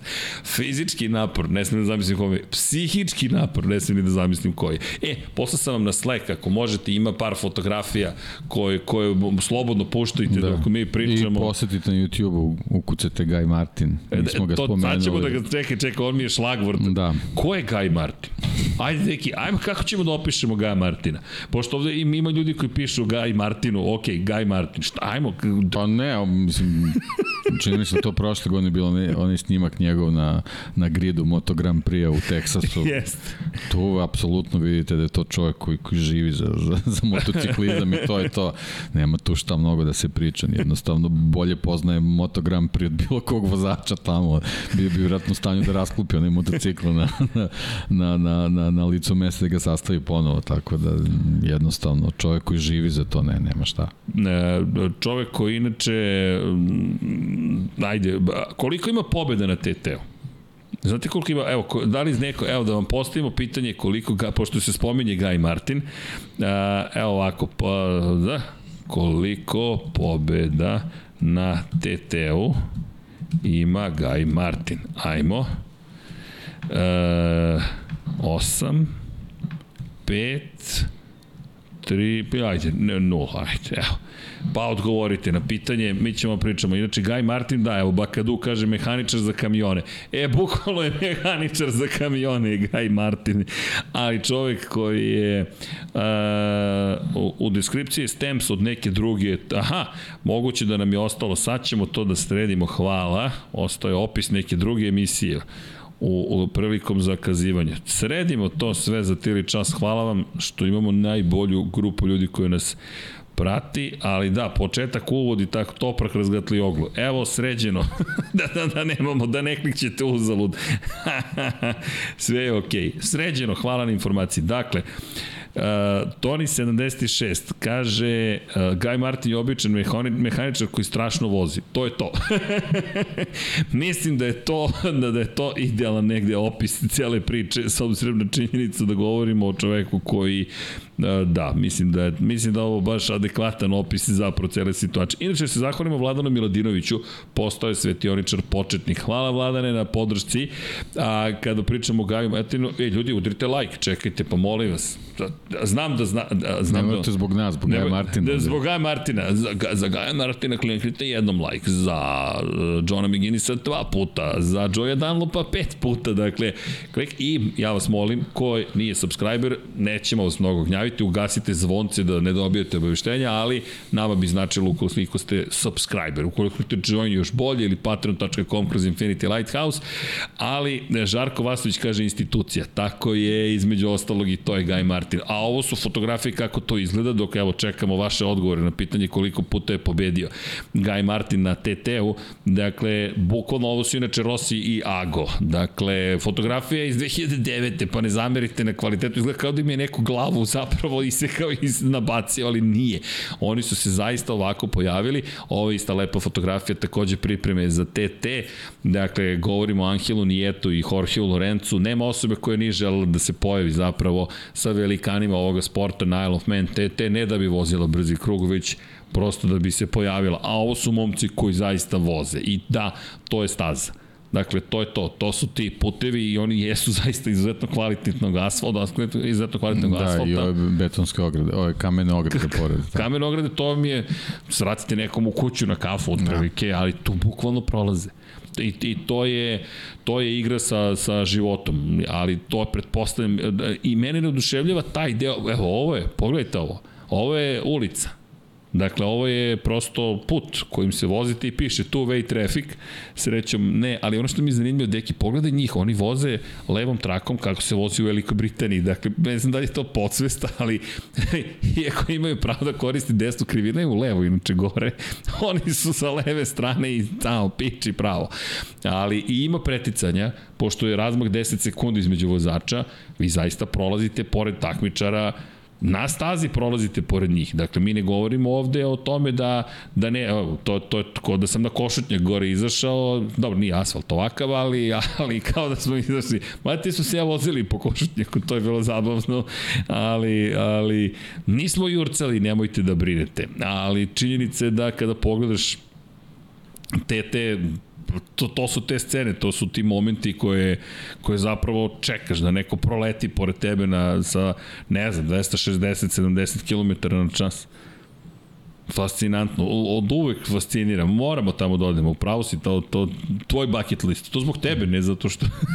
ali moram to da učim. Inače, evo da vam pomognem, Guy Martin možemo da 36 glasova je bilo, pa ko je glasao, glasovao. Imam puno fotografija sa ostrog gde da vam pošaljem. Toni Soni, šaljite nam na lap 76, pa sad ću da vam napišem ovako, pošto ne, pri, ne prihvata et znak, infinitylighthouse.com.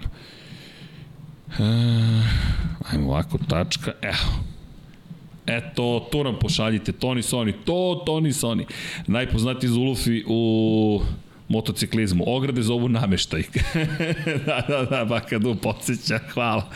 Dakle, inače, Guy Martin nema niti jednu jedinu pobedu na TT-u. Prosto... Ali vjerojatno ima najviše pređenih koraka po padoku. Ja verujem da u svaku garažu, kako go se tamo zvalo, uđe, pogleda i on na kraju navuče kombinezon i krene da vozi. E, da, ali isto tako je čovek koji je dobio trofej Joe Craiga, dakle, dobio trofej Joe Craig, jednostavno je Guy Martin taj čovek koga prosto svi obožavaju i kada je reč o popularizaciji sporta ne postoji, ja mislim, bolja osoba od Guy Martina da popularizuje sport. Inače, učestvuje ukupno 14 puta u ovoj trci i penzionisao se 2017, ali 17 puta je bio na pobedničkom postolju. Dakle, nije pobedio, ali je bio na pobedničkom postolju, tako da ne govorimo o nekome ko ne zna da vozi. Ne. Ljudi, on zna da vozi i te kako, samo prosto nije pobedio, to je jedina stvar, ali je fascinantan i neko ko tu ima tu magnetnu harizmu, nasmete uvek, i inače često je na Silverstonu, šta radi na Silverstonu, trka se protiv Formule 1. Dakle, malo protiv Davida Coulterda, malo protiv Jensona Battona, malo, malo ga pozovu da napravi isti specijal. Može da se trkaš protiv Formule 1? Mogu da se trkam protiv Formule 1, da se trka sa njima i to je to. Ali zabavno je bilo videti. Da, da zaradi nešto da ostalih dana radi ono što voli. Nije to loše. Nije. Dobar koncept. dobar, dobar, dobar koncept. U svakom slučaju pratite eto Guy Martin šta radi. Čovjek koji ima isto preko 40 godina i neko ko, ko popularizuje sport ako ništa drugo. Ali kažem, nije, nije neko ko ne zna da vozi, samo prosto nije u toj grupi klasičnih profesionalnih vozača i lepa je ta njegova priča. Makar, makar nama. E, eto, posle samo Martin jedva živu glavu izvukao na TT-u, tako je. On je imao baš ozbiljne, i on je dva puta lomio kičmu, ako se dobro sećam, na, na, na TT-u i srećom, srećom je i dalje tu sa nama i pokretanje. I to, to su to su izuzetno to, to, te, teške stvari. Dakle, kada pogledate, evo, zatvaramo glasanje, pošto smo rekli koliko puta je pobedio, ali dobro, 45 glasova i 35% kaže 5, 5 pobjeda, 33% bez pobjede, 26% 8 pobjeda i 4% 3 pobjede. Samo pokazuje koliko popularnost ponekad može da, da, da zavara. Eto. Kada govorimo o, vidimo ovde da se priča i o fantaziju, o fantaziji Le Mans, kaže, zlatni vozači su mi bili Peko i Vinjales, a srebrni Luka Marini Alex Marquez. dakle, u pola kruga ja čovjek ostao bez jednog pojena. Ja sam imao Peka, Vinjalesa, Oliviru i, Oliviru i Raula Fernandez. Sve bodovi su mi donali Ducati i Muni, to je stvar 46. Da, oni deluju kao da, da, da, da nisu... Zaboravio sam da zamenim dvojicu vozača koji nisu vozili, a onda su ova dvojica odlučila da mi oduzmu sve bodove. Da, ti oduzmu, nisu, nisu da- sve, da. da ne, neke bodove sam dobio nešto, da. A dobro, ja sam kriv, zaboravio sam da zamenim ja, ja s jedne strane Jacka Millera zaboravio da stavim onda kad sam znao da će biti dobar, ali sam ga onda prebacio, srećan ga ni, ali on mi je ostao ne prebačen, tako da je to bilo super, zato što kasnije kada nije bio više dobar je da je bilo, je bilo bolje što ga nisam ubacio. E, inače, da, evo Bakadu, hvala, kaže čovjek i goreo na stazi. Da, i 2010. je imao zastrašujući incident zapravo koji koji ne, ne ono što je nevjerovatno imate ispovesti i, i zapravo lekara koji su koji kaže da da da je Ma to je sve zastrašujuće. Dakle, kad eksplodira motocikl, on leti, pritom naleće drugi motociklista iza, on čovjek kaže, ne sjećam se se toliko uplašio bilo gde drugde, dakle, zaista svi su praktično ugroženi, ali hvala Bakadu za, za, za podsjetnike. Svašta se događa. Ne, nemoguće da, da mi ispričamo šta se dešavalo na Isle of Manu, nemoguće, ali da. hoćemo da mu posvetimo adekvatnu pažnju, zaista to zaslužuje, da, da se ne pravimo da trka ne postoji. A što se tiče streama, samo da pogledam na zvaničnom web sajtu da li postoji E, pa, pa, pa, pa, da li negde postoji zapravo pretpostavljam da bi to moglo da bude da će na YouTube-u biti zvanični prenos e, evo stavit ćemo vam link Kyle of Man tu možete da vidite awesome onboards i slične stvari. A, šta još ima? Evo sad ćemo da vam ubacimo, ali nisam siguran da li će da vidim, da li najavljaju neki live da će biti. E sad, ne zamerite što nemamo informaciju, ali ne, ovo je unofficial. E ne, ovi ljudi su neverovatni. Dakle, čekaj, ovo je sada official website Isle of Man. Aha, ne, ovo nije. Dobro, čekaj da nađemo Isle of Man TT official website. Dobro.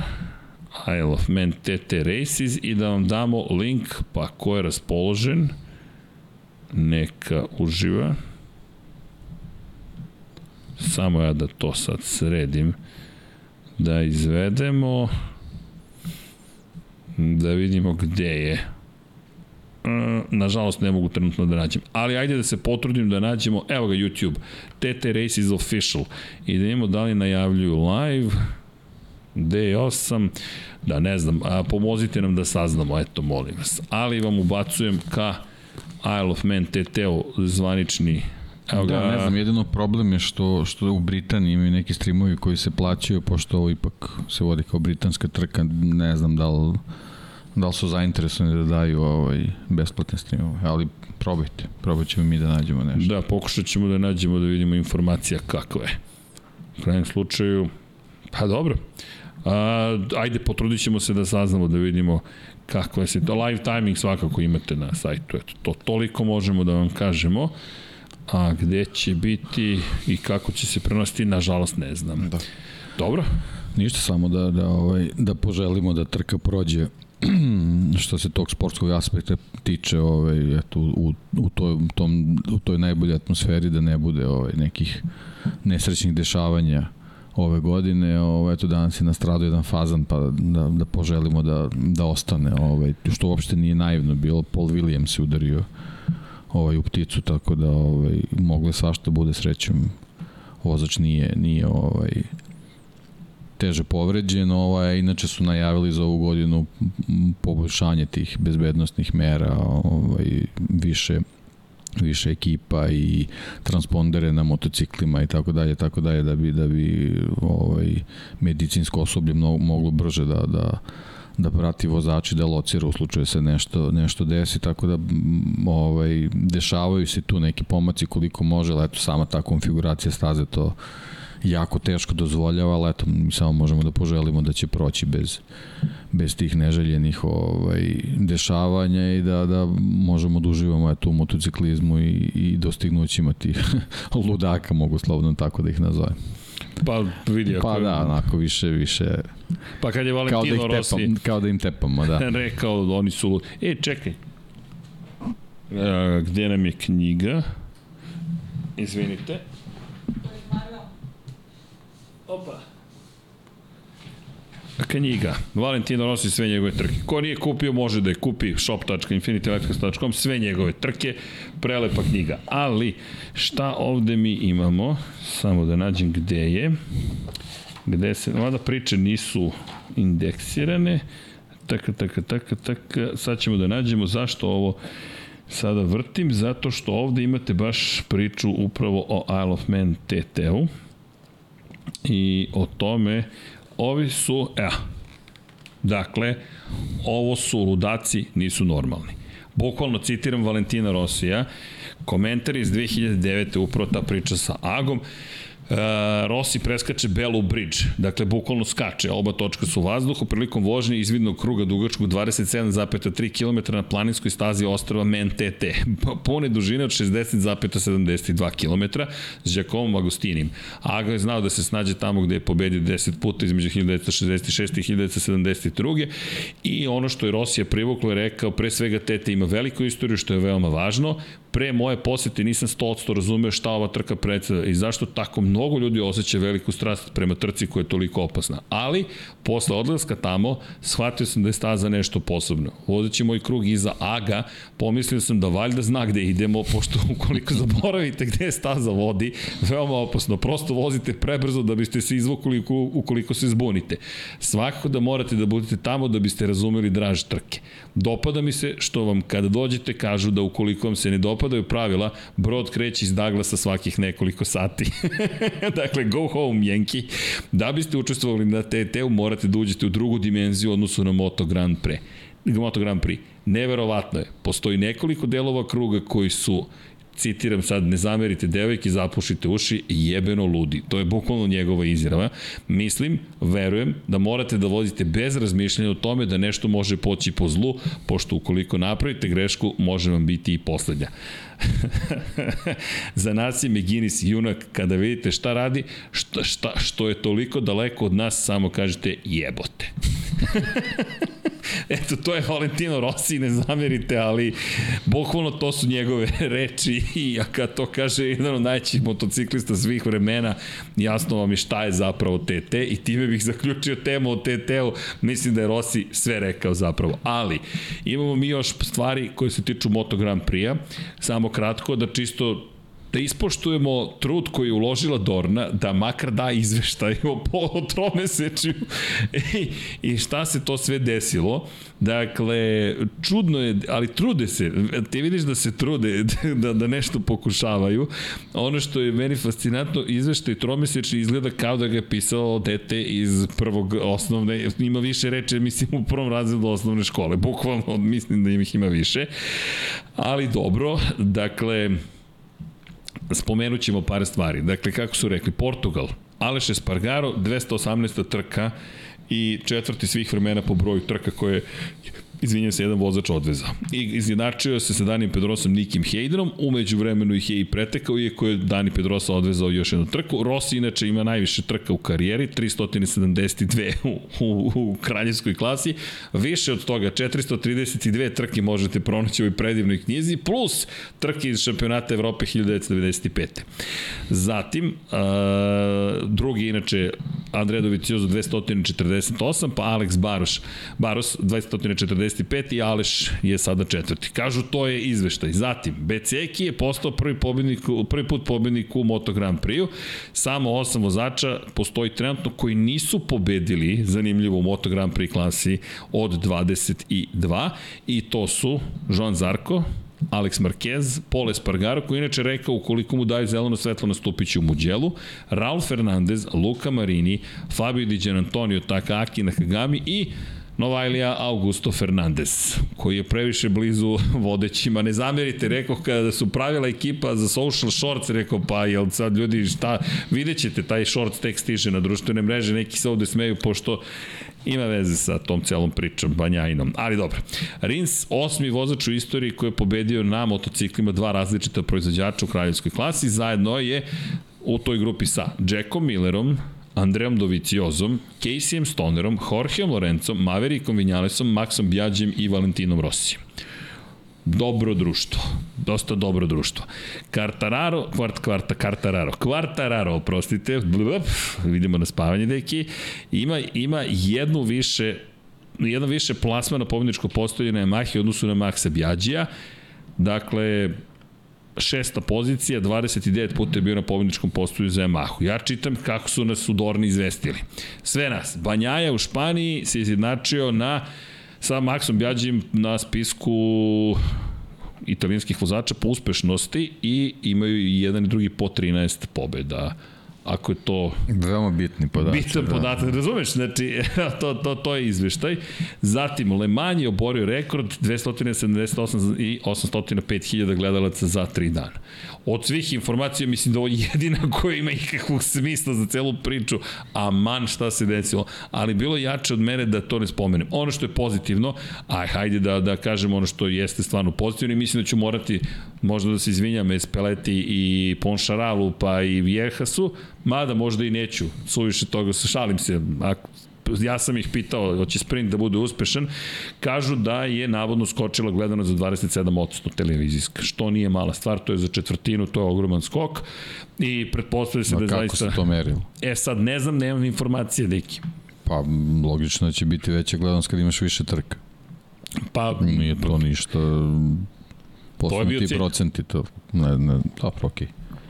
Slobodno iznesite vaše pa mišljenje, ja volim. Mislim, nije, kako bih rekao, da, da, da si ostao u starom formatu pa da ti je skočila gledanost, je okej, okay. ovako imaš 100% više trka, mislim, šta? ok, može i tako da se gleda činjenica. Ali eto, možda ćemo poznati uskoro Dena Rozomonda, čovek koji je preuzeo komercijalno odeljenje Dorne, pa možda čujemo neku dodatnu informaciju, ali ćemo, ja, ja čekam da, da, da, da im prenesem informaciju, dajte nam opipljive podatke da vidimo šta se tu zbiva, ali u svakom slučaju 40% kaže da ima više gledalaca trenutno na stazi. Pa da vidimo. Deki je isekao ovu priču, Hasan Seckati. Juče smo spominjali Hasan. E, si vidio Hasana? Što je Alonso, moram pitati Hasana da će da priča sad sa nama. 600 novih pratilaca, Alonso je tweetovao, to, to je na Instagram stavio njegovu fotku, tegovao ga i odjednom rk, samo ovako Hasan i sad ne znam da li se druži s nama. služi. Tako je, ne, ali, ali Fernando Alonso uh, profesionalac, svi su oni profesionalci, svesni su i ono što je lepo, to je na ličnom nivou, poznaješ nekoga koga je podržao dvostruki svetski šampion, možda je to mali, mali znak, ali zapravo ogroman Dobro, znak. pričao meni Hasan i ranije da je Alonso stvarno prema njemu potpuno okej, okay. zaista, da. ovaj, lep odnos. Da, da, da, da. Ali meni je fascinantno kada pogledate Lepo fotografije. Lepo je kad ceni tuđi posao. Tako je. I ono što je, jer to nije na nivou znamo se od ranije, ne, nego znam te kroz posao. I to je ono što je mnogo lepo i to je pričao i, i Henk Kulimans koji je dao većinu fotografija za ovu predivnu knjigu kada Rossi pogleda objektiv njegov Dakle, Rossi gleda u njegov objektiv. Čak ima jedna fotografija iz, iz sa 150 metara gleda ba, baš ka Kulimansu jer zna da ga on fotografiši i da će imati njegov pogled. Šta radi Alonso? Alonso pogleda ka Hasanu kad je Hasan pokraj garaže što je fenomenalno, jer ta fotografija automatski vredi mnogo više. Ali on je taj koji vidi Hasana i pogleda u njegov objektiv, samo govori o profesionalizmu, ali meni neko, poznajemo čoveka pa nam je mnogo drago. Pozdrav za Andreja Isakovića, poslao nam je neke fenomenalne fotke koje ćemo da stavimo neka nalepnica se opet našla na odbojnoj ogradi Lab 76 u Monaku, jer ne znam ko su ti huligani, srećem Andrije tu da ih fotografiše kada već tamo stoje, pa čisto da se, da se eto pohvalimo, ali zaista i Andrej, i sad Monako ne mogu da odvojimo da Andreja nikako, posle izložbe, je prošlogodišnje, bit će ih još, ne brinite da brinete, ali Monako, koliko je fascinantni Hasan koji šalje poruku, kaže srđane, ovde napraviš fotografije kao na 10 drugih staza, jednostavno Monako Monako je Monako. I to ono što je Andrej objašnjavao, ta blizina, atmosfera, šta možeš da fotografišeš, mnogo lepo. I nadam se da će se Andrej vratiti, pa i dalje imamo i ja teoriju da od onog izveštaja za 2021. nestao iz studija Andrej. Ali dobro, nadamo se da će nam se vratiti u nekoj pauzi. Ako slušaš, vrati se Andrej. E, šalu na stranu, što se tiče Moto Grand Prix, nemamo baš neki mnogo veći izveštaj. E, najavljuje se polako velika nagrada Italije, da li je najavio da će možda biti nekih vesti u Italiji, to je sve za Da, malo su sedeli na superbajkovima, trenirali su, ali ništa, ništa spektakularno, da. Pa, običajno već, jednostavno, kada dođe pauza, svi se neko sklone, treniraju, vežbaju, pripremaju. Da, vidjet ćemo to... kako će ova sezona u stvari da funkcioniše s tim toplo-hladno sistemom sa, sa pauzama tim. Ogromne su pauze. Pogotovo za odustajanje, to je mislim generalno nestanak kako Kazahstana. god kako god to izgledalo, znaš, kao upravljaš nekim mašinama, mislim oni su generalno sportisti, ovaj u sportu postoje ciklusi, postoje pripreme, postoje i ovaj ulazak u formu, ne znam, ne znam kako to ovaj A deki, kako će da se odrazi na njih, a posebno, posebno uz, uz sprint trke. A pazi sad ovo, u sledeća tri trkačka vikenda, dakle ne ovaj sad što dolazi, već za 10 dana, 11. juna, to je 10. i 11. Sprint i glavna trka. Velika nagrada Italije. 7 dana kasnije, velika nagrada Nemačke, sprint i trka. Šest dana kasnije. Šest dana zapravo sprint i trka. Imamo 6, 17. i 18. jun. Zatim, šest dana kasnije trkaš se u Asenu imaš 24. i 25. i potom, sad ću da kinem jer je to Istina. Istina. Dakle, imamo pauzu do 5. avgusta. Deki, ceo jul propuštamo trkanje u julu, nema trkanja. Dakle, ti si sada pauzirao četiri nedelje i onda imaš tri trke za red, tri trkačka vikenda jedan za drugim. Tap, tap, tap i onda pet nedelja ništa. Vidimo se u Velikoj Britaniji. Kad? 3. augusta, četvrtak i kada počinju medijski dani. Zapravo oni već 2. augusta moraju da budu, ali ti pet nedelja kasnije tek ćeš doći ponovo na stazu. I onda kreće onako, jedan lep tempo. Baš onako lep tempo. Ne znam, Vidjet ću, ne, ne, ne možemo da, nećemo okay. da pričamo ništa napred, nego mi ćemo raditi neki presek umesto Dorne pa da vidimo kako su stvari, su se proveli sa tim pauzama, pošto da. to očigledno nije bitno. Ne, pa nismo hteli sad da radimo presek jer nam je bilo potpuno suludo da posle koliko, pet trka, šest. Ma presek je mnogo povređenih vozača, to je, to je moj to glavni utisak i to je prvi presek. Imamo pet trka iza sebe pet trka i mi sad kao radimo presek sezone, nema, nema šta, ali bih očekivao Dorne da da malo ipak više informacija, nešto da se desilo, baš mi deluje kao da je neko bio primoran da napiše tekst i kao ok, evo nešto smo izbacili. Da, kritikujemo ih, nemojte da zamerite, ali to je sve deo, deo sporta, ali ono što nema kritike i ono što je najlepše jeste trkanje, što stvarno kada dođe na stazu i nema pojma ko će da pobedi, pogotovo u djelu. Pričemo sprintom u djelu, ja, ja bih sada da ga najavim, već se plašim sprintom u djelu sa svim ovim ljudima koji nisu ludaci, ludaci su očigledno na I love menu, ali ovi normalni, dakle su u muđelu, pa kada vidimo taj sprint normalnih u muđelu, ja sad, sad već prestravljen, iskreno sam predstavljen, ne se ni da zamisli ko će od njih više rizikovati za pobedu. Samo zamisli, ne znam, Diđa ponovo ima dobre kvalifikacije. Samo neka ima dobre kvalifikacije, neka bude peti u kvalifikacijama. Prošle godine na svoju pol poziciju činjenica, malo počela kiša i tako dalje. Jedna dobra trka, jedan dobar nastup, šta, neće se u sprintu boriti za, za, za, za, za pobedu ako mu se ukaže prilika. I onda mi se odmah stvori asocijacija na Danila Petrući iz Muđela kada je pobedio. Inače, da, potvrđeno do kraja 2026. će Michele Biro biti Biro. Ok, vreme za, vreme za pivo, vreme da se ne spanje. Michele Biro će biti probni vozač ekipe Ducatija. Michele Biro, ovo moram da mu kažem kad ga sredem. Michele, jesi za Biro? Ali dobro. Dedeki. pa podižem scenografiju. Pošto si oborio. Pošto sve, oborio, sve oborio scenografiju, brlja reči, padeže i tako dalje. Ali to je sve. Evo, bolje ovako, bolje ovako, da. Prodaje najnovi izdanje, 4976 dinara stigla je nova, no, nova knjiga Wernera Hefligera i ako se pitate zašto je za Formula 1 7200, zato što je mnogo skuplje u nadvuci i PDV 10% veći. Ovde je 4276. Kako? Da, i nemo, ali činjenica ne može da se... Ej, znaš da je, su, da su dve otišle u Milton Keynes? Neko iz Milton Keynes kupio dve knjige Formula 1 i stigli su za 7 dana. Je li čovjek odgovorio ili je samo stigao izveštaj? Stigao je, ok, eto. Stiglo, stiglo. I u Nemačku smo poslali jednu međunarodna ekipa, odde god, odakle god da gledate isporuka radi. E da, iz, izvin, izvinjenja, ne znam ni više, neki pot knjige ne stignu, dakle sad nam se iz Hrvatske vratila, dve knjige su nam se vratile i piše nam čovjek, pa kao dva i po meseca putuju. E, dva i po meseca je od kad smo ih mi poslali, sad one su otišle u Hrvatsku, pošto je mnogo daleko Hrvatska od Beograda, i onda su ne znamo gde bile i sada su se vratile i, i, i tako da znate da su se vratile. A u Milton Keynes su stigle za 7 dana, pošto je Velika Britanija tu za ćoška otprilike, pa je to mnogo lakše organizovati. Ne znam šta da vam kažem, ne zamerite, ali ne, neću da krivim ni poštu, ni nikoga, ne, ne, ne, to su misterije univerzuma, taj čuveni last mile u isporuci, kako funkcioniše, niko ne zna ali dobro. Neki, uh, imamo neka pitanja, ljudi, mi smo se skupili da časkamo, da se družimo, uh, da pričamo o Isle of Manu, ali da vidimo da li, ne znam sad gde mi je, toliko imamo otvornih brauzera da više ne znam ni gde je studio, ali ćemo sad da ga pronađe. Evo ga, pronašao sam ga. Ok, ima neko neko pitanje, ljudi. Srki pitanjce, mislite li da smanjenje vremena treninga i povećanja broja trka utiče na povredi padove ove godine u MotoGP, Moto2 i Moto3?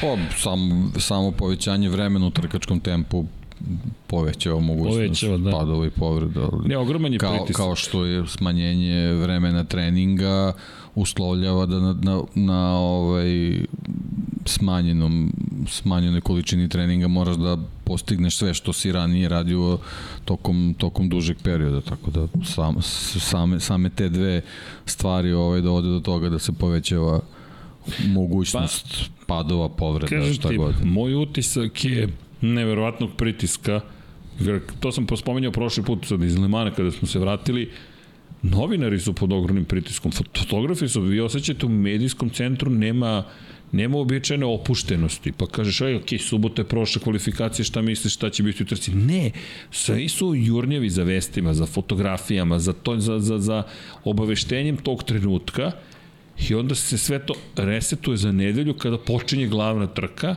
i onda opet sve iz početka sa još većim pritiskom zapravo i to je moj utisak da je pritisak ogroman. Inače, kako se menja raspoloženje, to jest kako se menja taj to, to, osjećaj pritiska. U četvrtak su svi opušteni. Možeš da pitaš vozača manje više šta želiš, bla, bla, bla, kako je, da, da, da. Petak dođe, već se stišava, nemoj da tražite ni tiruje, pustite nas na miru, pripremamo se i tako dalje.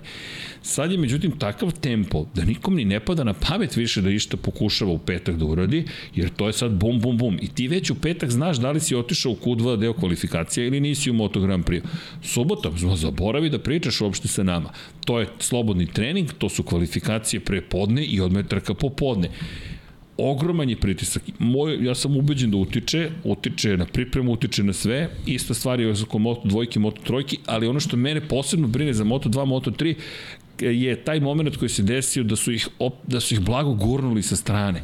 Dakle, e momci, sorry, ne treba vama warm up. Čekaj, kako kako bar pustite te momke da se pojave na stazi da publika vidi, čak ni publika ne može da ih vidi. Ne, i to je ukinuto. A s druge strane i u, u, u, nekom, kao u nekom paradoksu ti povećavaš broj Moto E trka i ubacuješ i Red Bullov kup Novajlija na staze na kojima imaš i Moto E trke. Pritisak je e, sada još veći za sve organizacije. Cijel krug mora da se organizuje. Subota je sada postala najintenzivniji dan. Obe trke Moto E klase se voze subotom, jedna trka Kupa Novajlija se vozi takođe u subotu. Ja gledam ekipu iz medija, iz medijskog zapravo dela sektora, ljudi koji su zaduženi da sprovedu delo prenose. Isti ljudi su na stazi od 7.30 do 19 časova. I sad, odjednom ekipa koja je radila do, ne znam, 16 časova, 15.55, završi se trening Moto2 klasi, ok, imaš vremena da se odmoriš. Niko od njih ne traži da radi da ne radi ili da, da lenčari. Ne, ne, ne, ali ti sad imaš pritisak od 12 i po časova, ti se ne, ne možeš da se presvučeš, ne možeš ništa da uradiš, a isti je broj ljudi koji tamo radi. Ja gledam i kao, momci, isti broj ljudi, isti broj ljudi. I to je ono što je, što poveća pritisak na sve, ne mogu da zamislim kako znači, ono što je pozitivno, vozači su dobili pare tražili su više para, da ih plate dodatno za trke sprint i to su im ispunili. I što je bitno, čekaj, ne samo što radim više, nego se izlažem i riziku više, mnogo više što je, pa eto, makar iz te perspektive pozitivno. Uh, kolike su šanse da smanje broj sprint trka narednih sezona? Marko Hektor pita, da, moje mišljenje je nažalost da neće smanjiti, bojim se za vozače, a plus očigledno gledanosti priča Moto Grand Prix raste. Ja mislim da nema šanse da smanji trke. Pa evo sad, ba, upravo što si pričao o tom preseku izveštaju, kako raste gledanost, već, već su nam dali najavu šta će se desiti u, u, u sledećim sezonama, posebno ako, ako ta gledanost dovede neki veći broj sponzora za samu Dornu. Tako da mislim da od smanjenja neće biti ništa. Pa da, čak može da se desi da će taj sprint format još više dobiti na značaj. Sad, da li će ga oni dirati i gurati u Moto2, Moto3, ne znam. Nadam se da neće, dovoljno je ovako. To su ipak dosta neiskusniji vozači, bez obzira što su, ajde da kažemo, slabiji motocikli, ali ako smijem da se vratim na Joya Dunlopa, pa pričali smo o tome, čovjek je u 125 kubika imao fatalnu nesreću, dakle, sve to brzo, ima mnogo manje iskustva samim tim, nadam se da neće ići, ali nema šanse da se smanji sprint. To nema, nema teorije da se desi. A Balša Brajović, da li je Dovi vanzemaljac? Pa, ja ne mogu da ga stavim u tu grupu vozača. I malje mi je fantastičan, ali da ga poredim sa Danijem Pedro, ne znam, to je baš teško. Ne, ne, ne, ima u Doviju zaista nešto posebno, ali ne mogu da ga stavim rame uz rame sa Jorgeom Lorencom, Valentinom Rossijem, Markom Markezom, Danim Pedrosom. Nešto mi prosto nedostaje taj jedan korak ka tome da kažemo, e, on je u toj grupi. Da li je legenda? Jeste. Da li je vanzemaljac? Za mene nije. Ne znam, deki, kako ti vidiš to. Mislim da, da, da i čak i ako su nijanse, prosto kada je bilo potrebno Dovi e, I pazite, Dani nije osvojio titulu u Moto Grand Prix ali nema čoveka koji neće spomenuti Danija Pedrosu kao jednog pa da, ali Dani Pedrosa evo, u ovoj sezoni i u, i u ajde ne u prošloj recimo u pretprošloj sezoni sa, sa svim što je uradio za KTM pokazuje da ima taj neki element koji ga čini drugačijim. Da, evo... Dovi je bio u toj situaciji da isto nešto proba da uradi i da da nametne neko svoje iskustvo, da, da, da učini, da, da poboljša ekipu, međutim mislili smo sa Aprilijom da, da, da će, će nešto da uradi, da, ovaj, nije ja, sa Yamahom takođe, tako da i tu je pokazao iz tog segmenta da nije ovaj, da, ne, ne, šta god da je u pitanju. Da, znači Nešto... vozač koji, koji ima ozbiljnu karijeru iza sebe, ali u nekim trenucima je pokazivao da, da, da je za možda neki stepenik ispod momaka koje, koje slovi, slove za vanzemaljce. Da, Ivan Vojsinović kaže Dovi je polu vanzemalja. Može. Da. Ali dobar komentar da Muđero Abrijata 12, 1-2. Dovi se bori jedne cele godine sa zdravim Markezom za titulu do zadnje trke. Ovi sada vozači mislim da ne bi to mogli niko od zadnja tri šampiona. To jeste, da, to mu je to, ali, to mu je dostignuće karijere. Jeste, ali znate šta je ironija? Što opet za, za, za korak, naj, najmanje jedan korak ispod tog nivoa koji su imali upravo Rossi, Lorenzo, Marquez i Pedrosa. E, baš zato i on je u nižim kategorijama uspeo da ih pobedi. Za 125 kubika je on bio šampion upravo u toj grupi ali prosto nije van zemalja. Za mene nije van zemalja. Da, ne postoji neki segment u, u, za koji bi mogli da kažemo da je Dovi tu najbolji pa da kažeš Dovi da. E, ima jedan segment, ako možemo da izdvojimo. Jedan na jedan u poslednjem krugu, poslednji krug, da, poslednjeg, da. poslednje krivina, dakle to je njegovo protiv Marka Markeza. Mislim da je jedini čovjek koji to uradio Marku Markezu i ne jednom, koliko šest, sedam puta mu je isto uradio i mislim da to, to bi, e, to bi trebalo pitati Marka Markeza. Ok, to moram da, da, da, da negde sebi zapišem kada budem neki intervju radio. Mark, pitanje iz istorije da li te nervira što te Dovi pobedio sedam puta, otprilike? Mislim da sad može da odgovori. I da li mu to ostaje kao jedna od onih stavski, mm, ovo je trebalo da se rešiti. I, i pitanje kako uspeva da te pobedi, nije, ali pazite, nije uspeva da ga pobedi za borbi za titulu, ali to je jedan jedan, poslednji krivina, poslednji kruga, moj si, a svašta je pokušavao Marquez, fascinantno, fascinantan Dovi. Inače, Dovi koji je kao neki inađija, dakle, njega je pokretalo što je najbolji italijanski vozač godinu za godinom dok se Rossi muči na Ducatiju i ide okoli priča, ali zašto svi navijaju za Rosija kad sam ja najbolji italijanski vozač u šampionatu? I, i, i, i on je vremenom sazreo, ali u tom momentu jedan mladi Dovi koji se užasno nervira što mu niko ne može da dobije priznanje da je on bolji od Rosija, zato što italijani, kako sad mu kažeš, nije to Dovi zbog toga, to, to nisu uporedive kategorije, ali, ali, ali, ali pre svega jedan inteligentan čovjek i drag. E, Polu Marsovac može. Polu Marsovac, da, da lepo je lepo rekao. Ivan Marković ne samo da se trkao sa MM, nego ga neretko puštao kao, zma, kao zmaja u krivinama. Ok, e, kako god, ali bilo je, bilo je žestoko. Inače, Bakadu nije dominirao za Dovije. Pa može i to, može i to. Pozdrav Raja, pa sad svima i ostali nikad stići da, da se javim obaveza preko glave dvoje male dece Adela. Pozdrav za Adelu.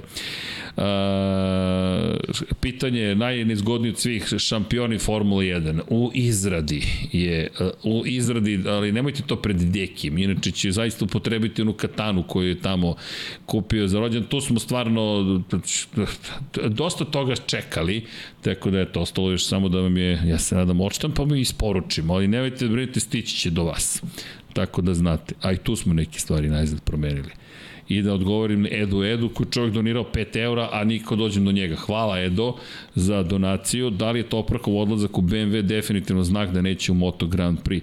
E, da, inače Stomić 50 je ovo pitanje postavio. E, malo pre, za knjigu, moje izvinjenje još jedno, vjerojatno ću se izvinjavati još jedno pet emisija, ali Edo Edo, da li je, da, pa to smo pričali prošlog puta, to je definitivno znak da neće u Moto Grand Prix. Osim ako BMW zaista ne otvori taj program u Moto Grand Prix, što mi mislimo da se neće desiti, ali... Ali na Isle of Man može uvek. Eto, da, Isle of Man. Ali mislim da što se tiče Moto Grand Prix, Toprak je rekao ne. Pa ima tu raznih tih teorija, prosto da, da, da je i Kenan Sofoglu zaista želeo, ne mu kaže vršio pritisak, ali tražio da, da bude zapravo u Superbajku i da je da je na neki način video da je mnogo veća i bolja budućnost za Topraka u SBK nego u MotoGP. Pa to je trenutan loš tajming sa Yamahom u Moto Grand Prix i njihovim izdanjima da neko ko je već u nekom zenitu svoje karijere ovaj, rizikuje sa, sa odlaskom na nekonkurentni motocikl u Moto Grand Prix mislim da je to isto jedan tas na vagi bio.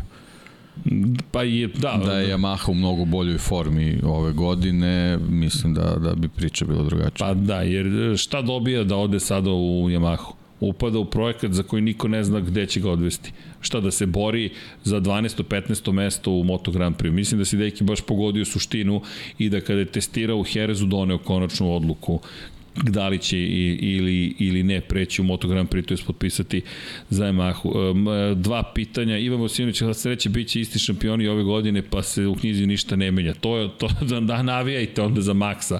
Ali, Marko Hector, planirate neku novu knjigu vezano za Moto Grand Prix? Da. Trenutno evo gledaju me ovde, znači ništa nam neću reći dok ne završimo prava i ne dobijemo 100% prevod i ne dobijemo 100% tekst i bude prelomljeno i uđe u štampariju, ali planiramo i nadam se da i nije uh, istori, istorijska, nije vezana za, za aktualni trenutak, tako da je knjiga koja uvijek može da se čita, ali nadam se da ćete, emotivna je svakako. Uh, Balša Brajović, koji je najnapredniji motocikl svih vremena u Moto Grand Prix? Uf, to je teško pitanje. Svaki ovaj najmoderniji, najnapredniji, ako gleda, ali to je pitanje da li gledamo u relativnim odnosima ili u apsolutnim odnosima. Ako gledamo u apsolutnim Ducati koji trenutno vidite, ne znam da li išta naprednije postoji. Pa dobro, to je, da, ali GP21 mislim da je bilo onako baš veliki otklon. Da. Pa ja, ja bih uz njega stavio i RC211V, prvu Honda da, da, u Moto da, pa dobro, da, da, da, da, da, da V5 to je neka promena uh, cijela koncepcija. Da, Edo, da, Edo kaže da. RC 213V. Ne, ne, meni je 211V. Inače, čisto da znate zašto se Honda zovu RC 211, 12, 13V. Dakle, RC, Racing Corporation, jel te, i cijela priča, 21, 21. vek. Dakle, to su motocikli u 21. veku. RC 21 1, prva verzija, V, zato što je motor u V rasporedu i zato se zove RC 211V, to je motocikl koji ima 990 kubičnih centimetara, pet cilindara, iste zapremine, istog, iste dužine hoda, istog obima, dakle to su identični cilindri, izbalansiran na jedan potpuno neverovatan način, prednji red cilindara imao tri cilindra, između njih, između redova cilindara su bila dva i ta V5 je bila kultna zaista. I ja mislim da je to najnapredniji u relativnom smislu zajedno sa GP-om 21 koji zaista pomerio granice. Da, s tim što morate da uzmete obzir da RC211 je bio prvi četvorotaktni posle duge ere dvotaktnih motora i napomenu nisu dobro, bili... Dobro, pokazalo se da je dobra osnova u tom Jeste. smislu je najnapredniji. Da, i još jedna stvar, mogli ste da pravite četvorotaktne motore i godinu pre, ali su morali da imaju 500 kubika, pa ih niko nije pravio, jer niste mogli da menjate kubikažu, ali nije bilo zabranjeno korišćenje četvorotatnih motora, samo nije imalo nikakvog smisla. Uh, Dovi je zapeo Saturnovim prstenima, sku, skuder je Nusmir, tako, tu je negde zaglavio, svidamo se pogled i rekao je, e, ja ću ovde da ostanem. Ali, ali Dovi, ono što, šta ja mislim da je Dovi najveći uh, domet uz te trke sa Markezom, a to je moje mišljenje da Doviciozo tihi junak koji je spasao Ducati, možda ga nije doveo do titule, ali ne zaboravite. Ali ih je. Tako je, ali, ali Dovi je gde je mene Dovi kupio? Kada je posle Rosija došao u Ducati i rekao, ok, ajmo da, da radimo na ovome, verujte, motocikl nije bio konkurentan. Rossi je otišao 2012. na kraju te sezone, Dovi je spašavao karijeru kroz Teh 3 Yamahu i to je bilo redko u tom periodu da vi izgubite fabričko sedište i da se vratite negde u fabriku. Ducati ga je pozvao i rekao da li hoćeš, posle su doveli Andreju Jenonea, to je, to je tek kombo kao dvo, dvo, dvokomponentni lepak, dakle, odvojeni svako za sebe zajedno, prštalo je i tamo, ali činjenica da Andreja Doviciozo bio čovek koji je puno radio upravo na razvoju tog motocikla i onda je došao taj moment, ok, sad imaš motocikl, pobedi Marka Markeza i zato je, tu je zapelo. Gdje je zapelo, tu je zapelo. Ja, i on, ja on je rekao, ja ću ti pomognem. Ja ću ti pomognem tako što ću te oborim u Argentini. A onda i Dani došao i rekao, ček da napravim jednu od redkih grešaka u karijeri, u životu. Dani eh, Pedrosa koji je dva puta imao takav incident, kada izbacio Nikija Hejdena sa staze i kada izbacio Andreu Dovicioza sa staze, Nikija nije koštao na kraju, ali Dovija... Čuo neko... šta je bila Argentina, Texas i Jerez, Čekaj, tako? sad ću ti reći tačno po, tim, po, po, po, po godinama. E, s tim što Andrea Dovicioza, samo da vidim gde, gde mi je njegova statistika, Andrea e, u Argentini, samo da se setim koje godine ga je u Argentini izbacio. 2017. Dakle, u Argentini ga je izbacio Andrea Janone. Imao je Silverstone sa Quartararom. Uh, jeste. Sil, ne, to je to je posle, ali ali Dobro, 2000, ne, sad ali, pričamo o tim o ajmo, tim ajmo ovaj, tu 17. Ajde, ajde. Dve nezavršene trke. Dve nezavršene trke. Jedna je poslednja trka sezone u Valenciji kada je izleteo, kada je pokušavao da stigne Markeza, druga je zapravo u Argentini kada je Andreja Janone imao taj taj, nije, nije, nije ta 2017. ga izbacio, 2016. ga iz... ne, čekaj. Sad će otišao daleko. Nije, nije, nije, nije, nije. Mora da ga izbacio 2016. ali mislim da su nastavili trku. U Argentini ga je izbacio O, čekaj, moram da se setim. Da li je... Janone je već bio u Suzuki u 2017. Ako se ja dobro sećam. O, čekaj, vidi, godine me stigle, moram da proverim da li je gde nam je bio u toj celoj priči, samo sekund, molim vas, ali vidi gde si me vratio, vrat, ču, ču, ču, ču, sad ćemo da vidimo. 2017. je već stigao Jorge Lorenzo, 2018. je takođe vozio Ducatiju, ali u Argentini ga izbacio zapravo 2000... 2000... Da, izbacio ga je godinu ranije. Ne, ne, ne, nije mu, nije, nije uticao na njegovu titul. Nije, nije, nije. Da ne grešim dušu. Te, te godine ga je izbacio 2016. ga je izbacio Janone, pa ga je izbacio Dani Pedrosa. Da. Dobro. A 2018. je imao čuveni incident sa Lorencom i Pedrosom u Herezu. Trostruki pad. U krivini koja se danas zove Dani Pedrosa. To je bilo. Kada je izleteo, kada su kada se podvukao Dani, Lorenzo napadao, to bio je None koji nije, ne None, Dovicioza koji nikom ništa skrivio nije, ali onda kako je lansiran bio zapravo motocikl Dani, uh, Jorge Lorenzo završio je u Doviciozovom motociklu i te 2018. na kraju godine isto bio vice šampion, ali mislim da nije do poslednje trke se vodila bitka, tu je mnogo ranije završio posao. 2017. da, 2017. A dobro, Nije mu Janone, ne, ne grešimo dušu, Janone ga tu nije omeo, ali Janone mu nije pomogao svako. Pa Janone mislim da je sebe tu otpustio, tim manevrom u Argentini. Da su tu pa kako odmicala sezona, da. Da su rekli, ok, nemoj više, molim te. Ali, zanimljivo, Andrej Janone ističe kazna. Ističe kazna četvorogodišnja, i Andreja None bi mogao da se vrati u šampionat, koliko to možda zvučalo šašavo, ali se spominje da neki timovi razmišljaju čak o tome da razgovaraju sa Andrejom Janonem. Pa znaš kako, možda neka mala vrata, neki privratni tim, s obzirom da oni dalje ima dobre sponzore, očigledno. Popularan je. Tako je, a uvek može na Ironman. ja, mislim da Andreja neće na Iron da je kine valja Uveren se. sam je, ali nema veze, lepo zvuči. ali lepo zvuči, ali mislim da Andreja ima neke, neke druge trenutno prioritete. Uh, kako? Kako mu nadima? Crazy Joe, manijakalni Joe. Ne, ne, ne, ne. ne. Janone u Gresini. Janone u Gresini umesto Fabio Di Gian Antonija. Alex Marquez i Andreja one klubske kolege. Au, pa to bi bilo, pa ja bih otišao prvi da ih intervjušem. uh, dakle, ajmo prognoziti kada se, kada se Suzuki vraća. ne, ne bojim se da, da, da, da od toga nema ništa. A Marko pita da li imaju šanse BMW ili Kawasaki da uđu u Moto Grand Prix, Kawasaki sigurno ne, a BMW pa to se nešto šuška iz pelete, to negde na, natuknuo da, da bi čak možda mogao da bude i BMW, ne znam, zaista ne znam koliko je to koliko je to moguće. To, to je baš deško da ukučiti. Pa evo cela ova priča sa Hondom. Kako tebi deluje priča sa Hondom u Formuli 1? Honda koja je resurse prebacila maksimalno u Formulu 1 da bi osvojila titul, onda 2022. kada u novembru rekla, e, mi odosmo, sada je 2023. maj, još uvek, danas maj, maj je još uvek, dobro, i to je koliko, dve i po godine kasnije, Honda kaže, ipak se vraćamo, a zapravo ne nije ni nestala iz šampionata, jer je do kraja 2021. zvanično bilo u prvenstvu, 2022. je bila HRC koji podržava Red Bull, pa se Honda ponovo pojavila na velikoj nagradi Japana kao potpis, ove godine je potpisana kao Honda, To, ja prvi put vidim da je Honda izašla i nije izašla. Ikada.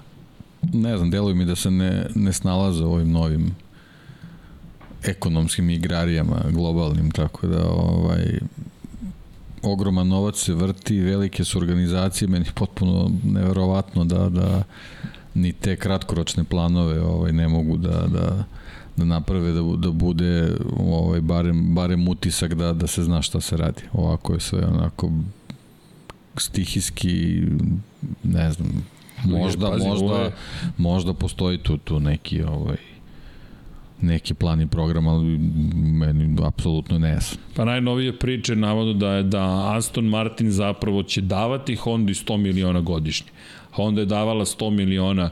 To je, mislim, da Race izbacio kao priču da je, inače Honda je zaista plaćala 100 miliona dolara McLarenu za sponzorstvo, ne samo što je proizvodila motore, nego i za sponzorstvo da se pojavi kao Honda, kao sponsor McLarena, plaćala 100 miliona godišnje, oko pola milijarde investirano samo u razvoj tog motora godišnje, dolara, ali Honda navodno sada će dobijati par od Aston Martina, to je od Ramka, koji razvija gorivo za održivo, održivo gorivo, to je gorivo koje se stvara samo na kroz ugljen dioksid koji je već u atmosferi i tako dalje. Dakle, koliko kod sve to zvučalo pomalo čudno, ali kako god, Aramco daje ogroman novac da se da nalazi kao sponsor na Aston Martinu i onda Honda ima veze sa HRC-om, nismo otišli na Formula 1, nego samo na sliku toga gde su japanski proizvođači a Honda navodno dobije pare, pri čemu Formula 1 je uvela i ograničenje u, u investicijama koje možeš da imaš u razvoju motora, pa Honda kaže da nema ekonomske gubitke, ali sve to baš čudno nekako. Ne znamo, ne, ne, ne, ne znam, mislim da se ti u pravu da zapravo cela ova situacija je dosta čudna i da su oni verovali da će, ako se već, ako se zaista kaže idemo u elektromotore, idemo u elektromotore, sad je pa ne idemo baš. Nego sad se vraćamo u državim gorivima, pa motor sa unutrašnjim sagrejem možda ipak nije toliko loše i tako dalje ali ono što je, kaže Nikola Vulović, Japancima falija da Ernst Degner da ih vrati u igru. Pa da, ali nema više istočne nemački da se uzme tehnologije za one koji ne znaju, pročitajte krad, krađa brzine od Meta Uxley. Nismo još preveli, ali Meta Uxley, Stealing Speed, kako Ernst Degner prebegao zapravo iz Sovjetskog, ne Sovjetskog, istočno Nemačke republike i otišao u Japan i doneo zapravo tehnologiju razvoja izduvnih sistema za dvotakne motore koje je stvorila praktično tu industriju u Japanu. E, za sad najbolji Honda vozač je McGinnis na TT-u. Da, to, to, to, to, to. E, e, kaže SS srce Hondi i kaže, ali nije SS zajedno, nego S pa S, dakle, može li mir na podijum neke trke? Uf, teško. Vrlo teško. Trenutno, da, prvo da, da prođe liniju cilja, to je bilo lepo. Da, eto, to, to su dva komentara koje Genici iz prodaje i Čikadeki kažu upravo ono što mu je sada prvi cilj, da završi trku bukvalno. Uh, Janone samo da ga uzmu da ide prodaje kaciga i propratne opreme. Čujte i to i to je nešto, dakle i to je nešto, prodaje se pa utiče pozitivno na na na na, na budžete da vidimo da li imam, da li sam nešto. Da li je godine pada Markezov rekord do 420 bodova u sezoni. Pa kako su krenuli, teško zapravo koliko padova ima, ali ajmo da vidimo, to, će, to je opet ono što si ti spomenuo sa krugovima vođstva Maxa, to smo nešto interno dopisivali, pa deki, deki poslao statistiku 2000 krugova, ali mnogo više trka i onda neka priča, pričali smo o tome, zapravo treba gledati prosečan broj krugova po, u vođstvu po trci, možda je to neki, hajde, pokazatelj, a što se tiče bodova, pa da, trebalo bi gledati samo velike nagrade, samo nedeljne trke da bi to zaista Pa mada i Markezov rekord je postane sa vijećem brojem trka nego što su imali prethodnih godina. Sve to relativno, ali, ali, ali to nije nemoguće. Viktor Karakoljev pita šta je sa Vogrinecom, odustao od European Moto 2. Da, trenutno različili su se Martin i njegova ekipa, ne mogu da vam dam sve detalje, to je na njemu, on je rekao da će saopštiti koji su detalji cele te odluke. I mogu samo da vam kažem da s tim timom neće nastaviti u šampionatu Evrope u Moto2 klasi. Mi mu držimo palčeve da će se svakako uskoro naći na nekom drugom motociklu, ali eto, pratimo situaciju, čim dobijemo informaciju, prenećemo vam šta se tačno događa.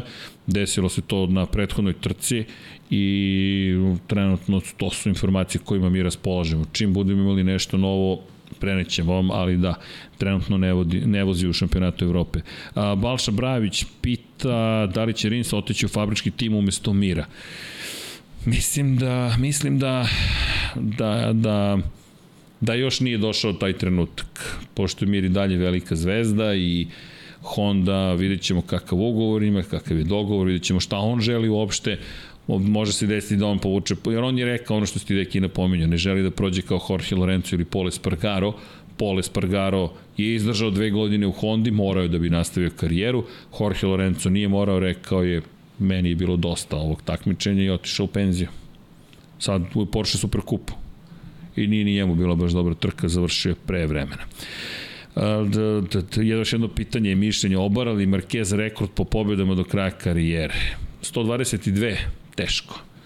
Ove glavne mislim da je mislim da je, da je taj voz prošao, morao bi da pobedi još 38 puta u nedelju. Ljudi, to su dve godine pobeda plus. Mislim da će to biti teško. Da li će ih biti? Da, ali mislim da će se paralele povlačiti sa Rosijevom karijerom. Da će biti pobeda, ali teško da će imati 11 pobeda po sezoni ili 10 za redom i kao što vidite brz je, uvijek će biti brz, ali da baš tako naniže triumfe još uz sprint mislim da je postalo još teže. Treba izdržati sada sve to uz njegovo stanje mislim da mislim da će to biti baš teško. Hajde da proverim tačno koliko trenutno ima 85 ili 6 i poslednje što mi je ostalo u glavi ili davno beše poslednja pobeda u Mizanu pre godinu i po. Malo leti vreme kada se borio sa Banjajom, kada je Banjaja pao ispred njega, ali evo da, da, da ne budem lenj, pa samo da vam kažem Riders all time, šta kaže statistika, Mm, da ovo je samo za kategoriju. 59 pobjeda u glavnoj klasi, ali dajte mi samo sekund da vam dam tačnu informaciju koliko pobjeda je imao, to je koliko pobjeda tokom svih, samo sekund, Riders Statistics, ajmo da vidimo, t, t, t, t. No, čudna im je statistika. Evo ga, pobednici. Ok, ovo je čudno. Naći ću. Zapravo imamo ovde. Ha, ha. Deki, da li imamo po svim? Pa imamo, naravno. Čekajte, imamo knjigu.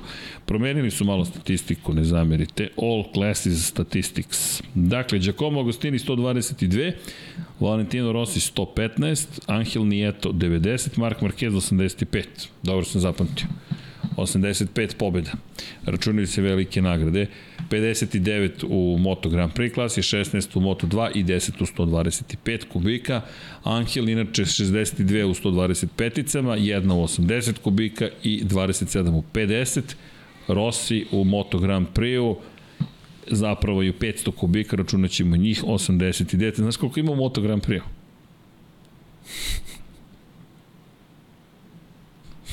Na, ko će da izgovori? 76 pobjeda u Moto Grand Prix, a 13 pobjeda u 500 kubika, 89 ukupno, 14 pobjeda u 250 kubika, 12 u 125, Giacomo Agostini u 500 kubika, 68 u 350, 54. Eto, čekaj. 43, 34, kad se gledaš. ba, da. Tako da, eto, 85, dakle, trebamo još 38 da bi došao do, do rekorda. 38 pobjeda, mnogo je, deki. Baš je mnogo. To bi značilo da u svojoj najboljoj godini imao 11 pobjeda. Dakle, kada je imao najbolju sezonu, je tako, nije imao nikada 12 pobjeda, Dakle, najbolja sezona kada se desila Marku Markezu u njegovoj vrhunskoj formi, ili ne, imao više kada je imao 10 za redom, ne, ne, pogrešio sam. 2014. 13 pobjeda imao. Da, to je ona sezona kada imao 13 pobjeda. Dakle, samo 5 pobjeda. Dakle, da ima najuspešniju sezonu ponovo u svojoj karijeri, 13 pobjeda, treba 3 godine da ima takvu sezonu da bi došao do rekorda. Vrlo, vrlo teško. Ajde da kažemo da mu prosek bude 9 pobjeda po sezoni, treba četiri takve godine da ima da, da dominira šampionatom da bi došao do 36 i tad ćemo dostati još dve pobjede. Mislim da vreme više ne radi za njega. Da su ove te godine zapravo u kojima je ta prilika propuštena.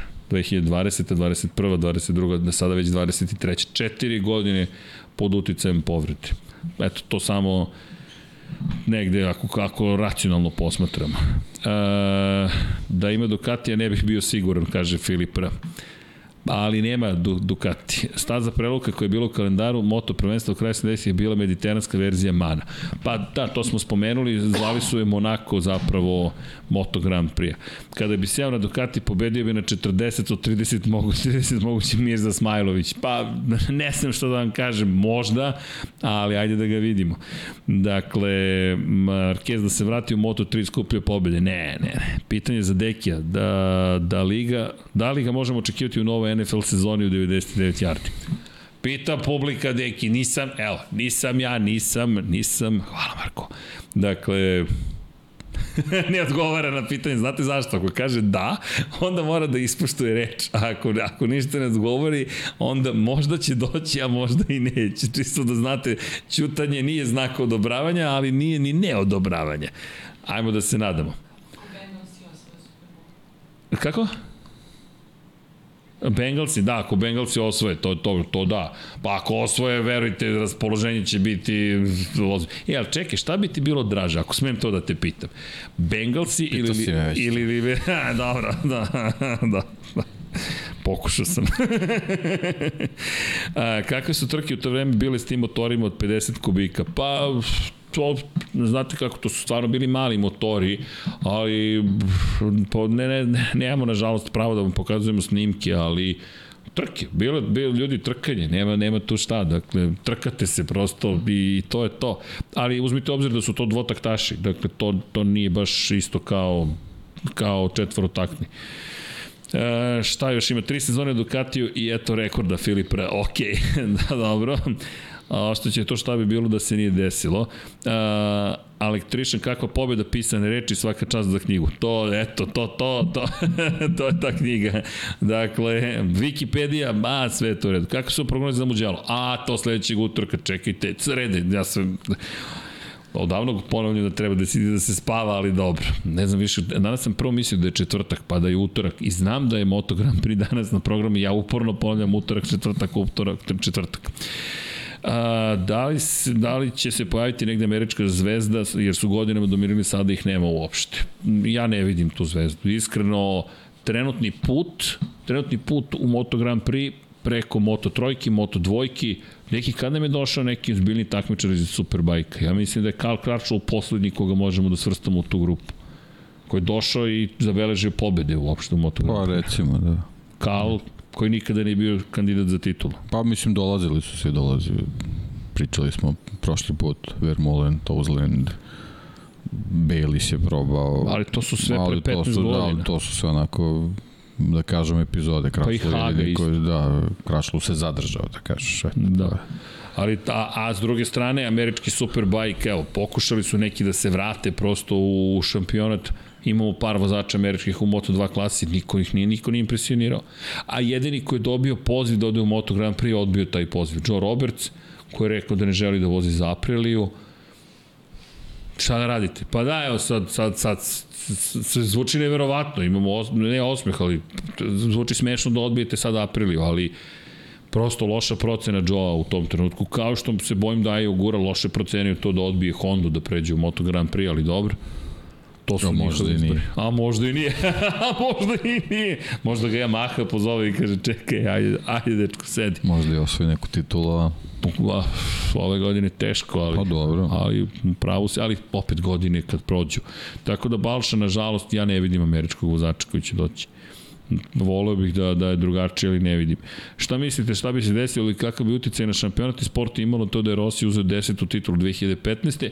ili neki godine posle toga, pošto je ta deseta titula nešto čemu su svi sanjali. A, a, AS Tech pita. Po šta bi se desilo? Pa jedini uticaj bi možda bio, možda bi se ranije povukao. To sam isto htio da kažem. E sad, iz ove perspektive, opet sad šta bi bilo Da, da je bilo. Da je bilo, ne znamo. Ne znam. Ali da je osvojio 2015. Ja zaista ne znam koliko bi još vozio. Iskreno mislim da bi vozio 2016. u pokušaju da odbrani titulu, da bi zaista rekreš, kao što jeste 2016. pokušao da dođe do 10.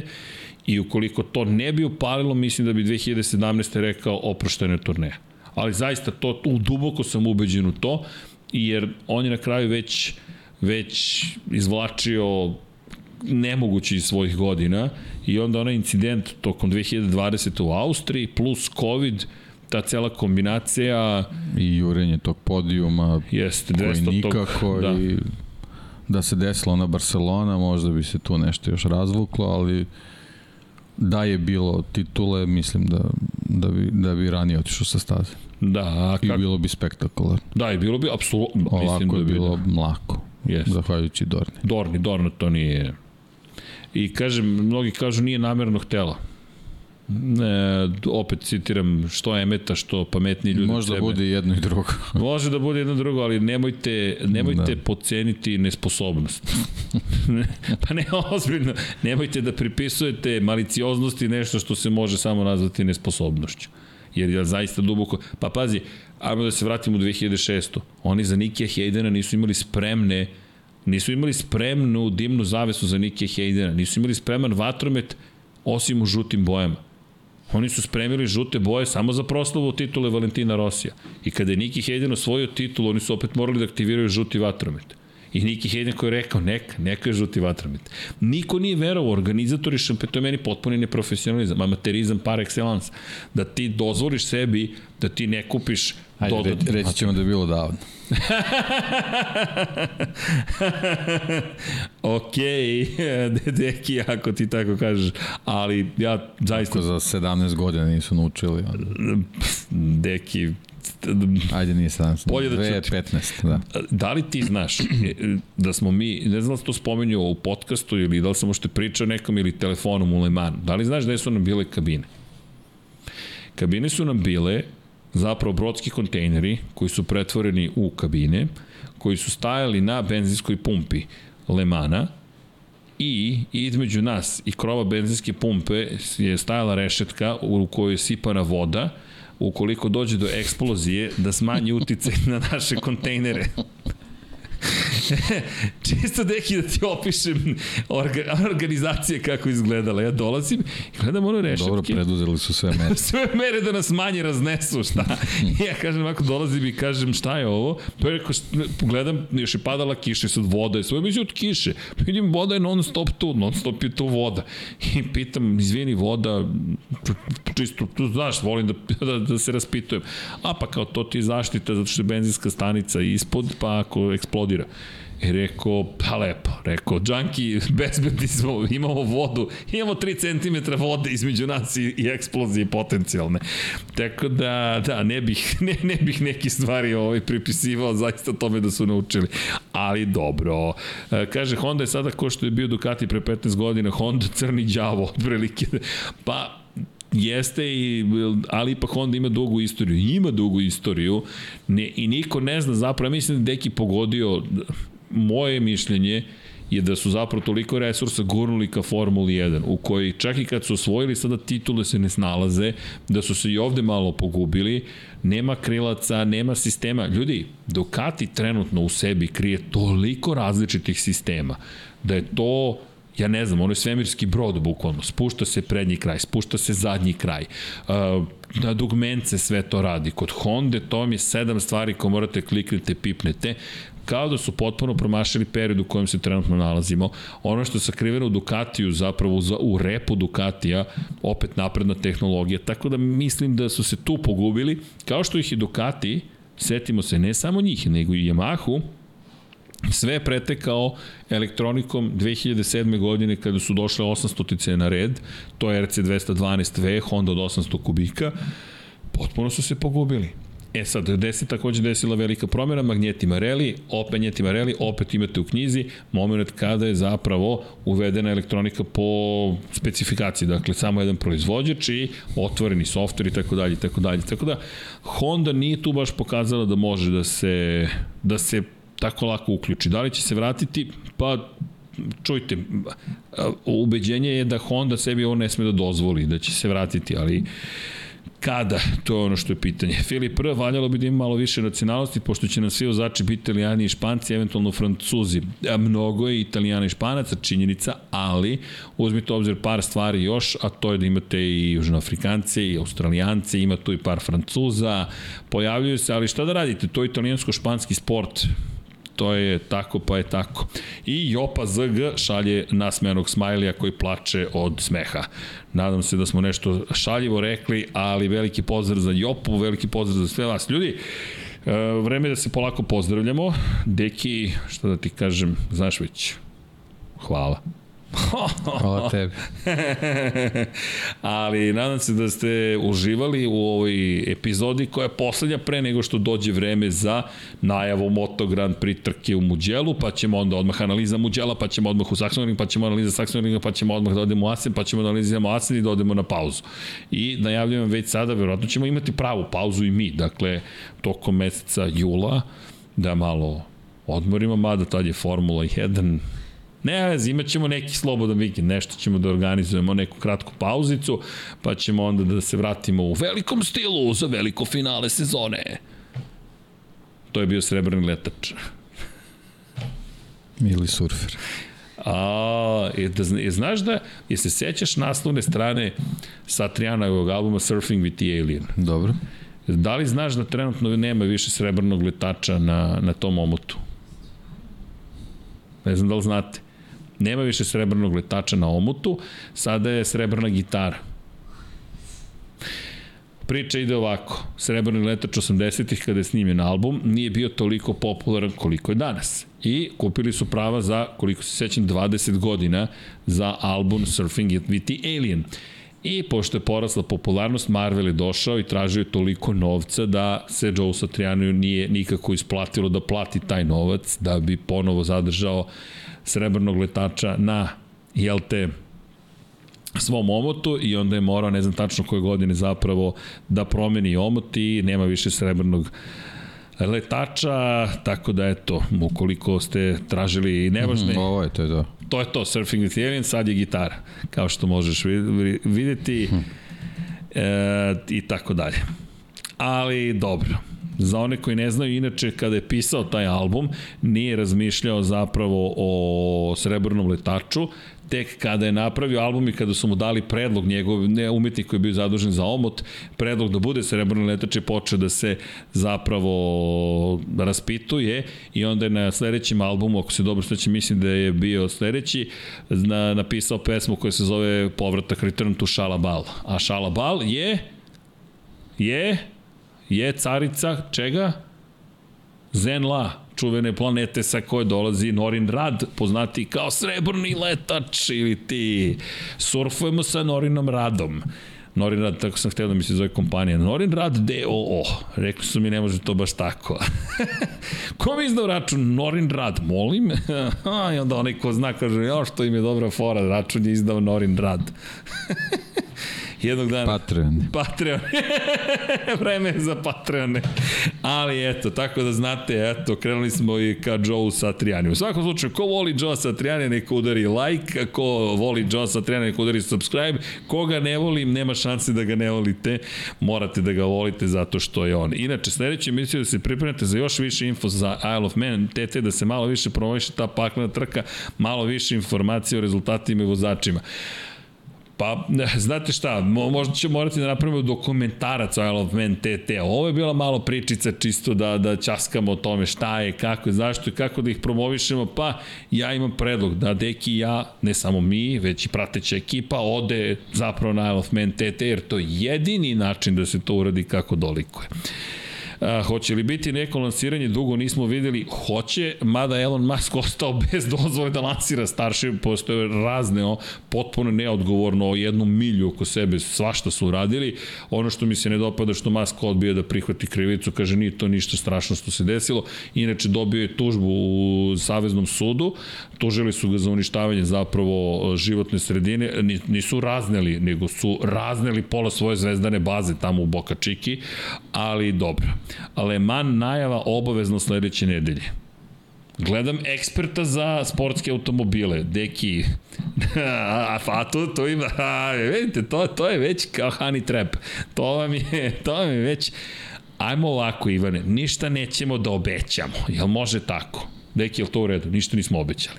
Ok, a vi sada sami zaključite šta smo zapravo poručili.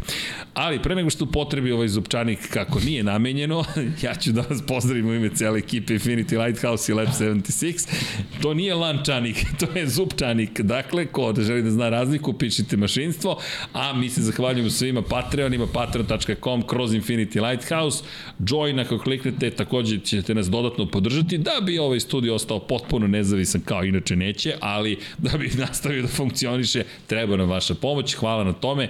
Like, subscribe, join, Patreon, knjige, shop, ne zamerite što kasnimo se nekim stvarima i to ćemo unaprediti kako? Pa tek smo počeli. Ovo je kao da prisustujete istoriji, kao da je 1952.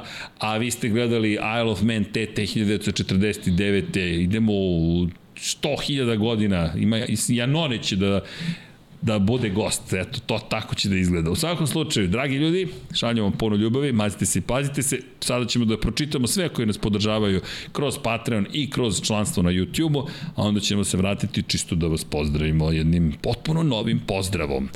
Idemo da pročitamo imena svih Patreona. Hvala Milan Kića, Dragan Nikolovski, Miloš Vuletić, Nikola E, Stevan Zekanović, Matej Sopta, Mario Jelena Komšić, Marko Petrekanović, Lazar Hristov, Kovačević Omer, Denis Špoljarić, Andreja, Predrag Pižurica, Miroslav Cvetić, Nenad Pantelić, Boris Golubar, Ivan Maja Stanković, Ivan Ciger, Đorđe Radojević, Jasmina Pešić, Branimir Kovačev, Luka, Ivana, Mirina Živković, Darko Trajković, Aleksandar, Ognjen Grgur, Đorđe Andrić, Vlada Ivanović, Đole Bronkos, Marko Marković, Đole Cheesehead, Jeca N. Stefan, Kristijan Šestak, Jelena Jeremić, Jasenko Samarđić, Ognjen Marinković, Miloš Todorov, Neđo Mališić, Đurđica Martinović, Boris Gvozden, Martin Gašpar, Borislav Jovanović, Salim Okanović, Marin Antunović, Živojin Petković, Aleksandar Mitrović, Daniel Kolobarić, Bojan Markov, Dejan Đokić, Stefan Ličina, Nikola Božinović, Marko Ćurčić, Alen Vuletić, Dušan Ristić, Ferenc Laslofi, Crnogorski Jedi, Ivan Panajotović, Boris Erceg, Sava Dugi, Zoltan Mezeji, Ivaca, Anonimus, Dora Torus, Bojan Majstorović, Marko Blagojević, Andrija Todorović, Danijela Ilić, Stefan Radosavljević, Ivan, Stefan Dulić, Vukašin Vučenović, Emir Mešić, Stefan Janković, Vučinić Miroslav, Vladimir Stojadinov, Aleksa Vučaj, Strahinja Blagojević, Borislav Vukojević, Bata Brada, Stefan Vidić, Laslo Boroš, Anonimus Donatorus, Milan Paunović, Bahter Abdurmanov, Aleksandar Milosavljević, Aleksa Valter,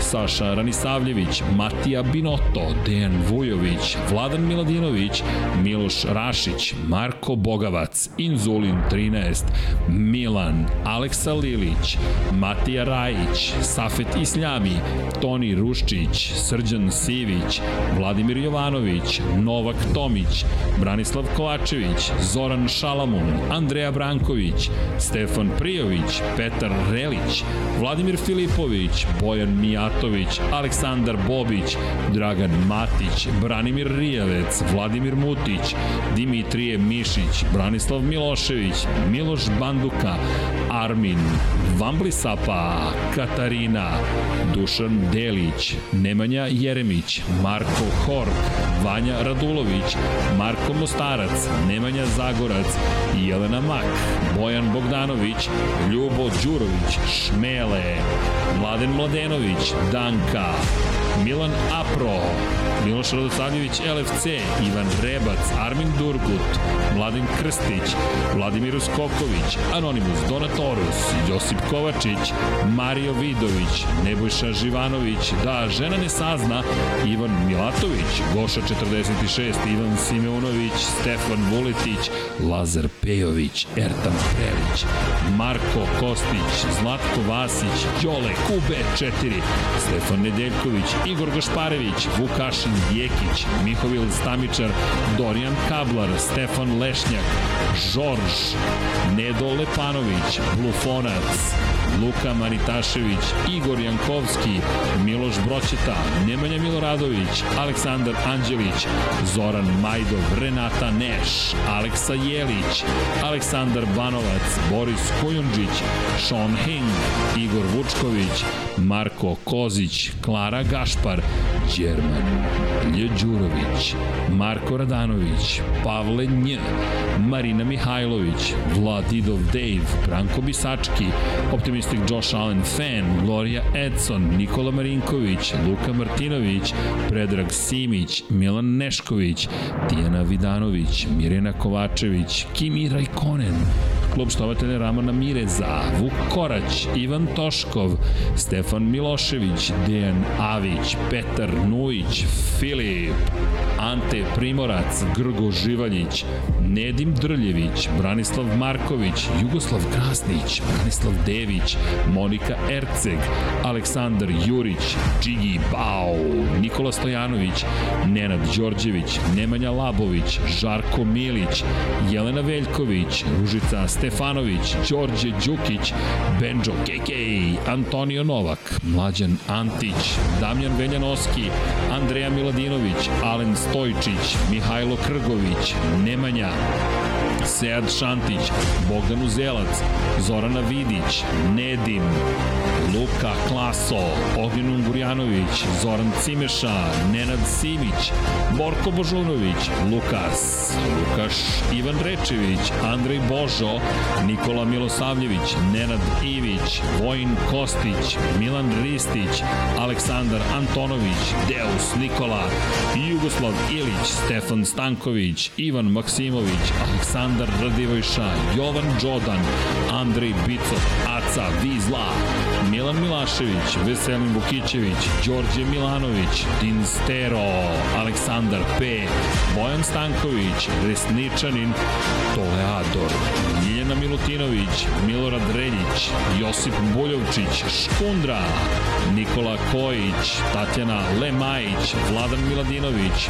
Marakoš, Kosta Berić, Uroš Ćosić, Ivan Vincetić, Miloš Zed, LFC, Ada Sokolović, Marko Bogavac, Oliver Nikolić, Toni Soni 76, Ivana Vesković, Drago Veković, Blagoj Ačevski, Vladimir Subotić, Krorobi 00, Pujo, Mateja Nenadović, Nemanja Miloradović, Bruno Jurić, Ivan Vujasinović, Marina, Nikola Vulović, Nikola Niksi, Jelena Jeremić, Alen Jesenović, Bojan Markov, Milanka Marunić, Omer Sarajlić, Đorđe Janjić, Vojislav Tadić, Ivan Magdelinić, Anonimus Donatorus, Igor Ilić, Goran Mrđenović, Nemanja, Domagoj Kovač, Aleks Vulović, Nikola Grđan, Đera Sedam, Nikola Petrović, Pavle Lukić, Vuk, Srđan Ćirić, Mensur Kurtagić,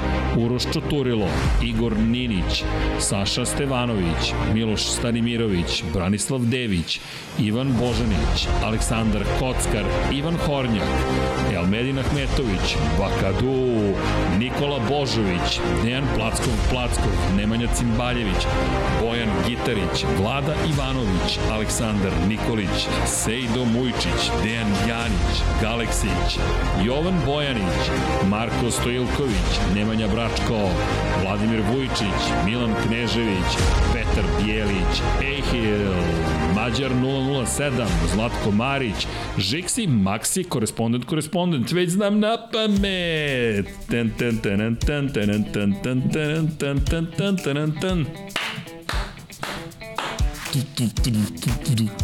Ne znaš šta te čeka u specijalu posvećenom Fast and Furious.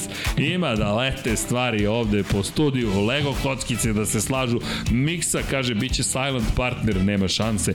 Još nam se možete se pridružiti još neki partner, ko zna u celoj priči, ali deki, mi se vidimo sutra. Još nije prošlo ponoć, pazi, a kako završamo? Baci kosku. Ljudi, mazite se, pazite se, budite dobri jedni prema drugima, volite se, vozite računa jedni drugima, pozovite mamu i tatu i recite volim vas, zašto tek tako, a koliko imate nešto da učinite, pozitivno, pametno studirajte, završite studije, volite se, budite dobri, uživajte, život je lep, treba ga živeti i naravno, subscribeujte se na Lab 76, to je Infinity Lighthouse. Šalno stranu, volimo vas, deki, hoćemo zajedno. Ćao svima. Ćao svima. It's been 22 years since we started this saga. How did we get so lucky to come so far? This family is ready to come back together. It's a dream come true. I mean, it's definitely bucket list for sure. Boom! We're at the apex of this franchise. Fast. The heart and soul of the Fast and Furious franchise, boots on the ground, on location. The more movies we make, the bigger they get. We continue to outdo ourselves. Because we owe it to our fans. The enormity of everything hits you like a right hand to the jaw. You still know how to drive? Every time I'm on set, I have to pinch myself. I am now a Toretto. You are now a Toretto. I just have been badgering them to participate in this. It's such an honor to be part of this family. That's the problem with having such a big family. How do you choose the ones you save? We're so lucky to be able to continue this saga for all of you.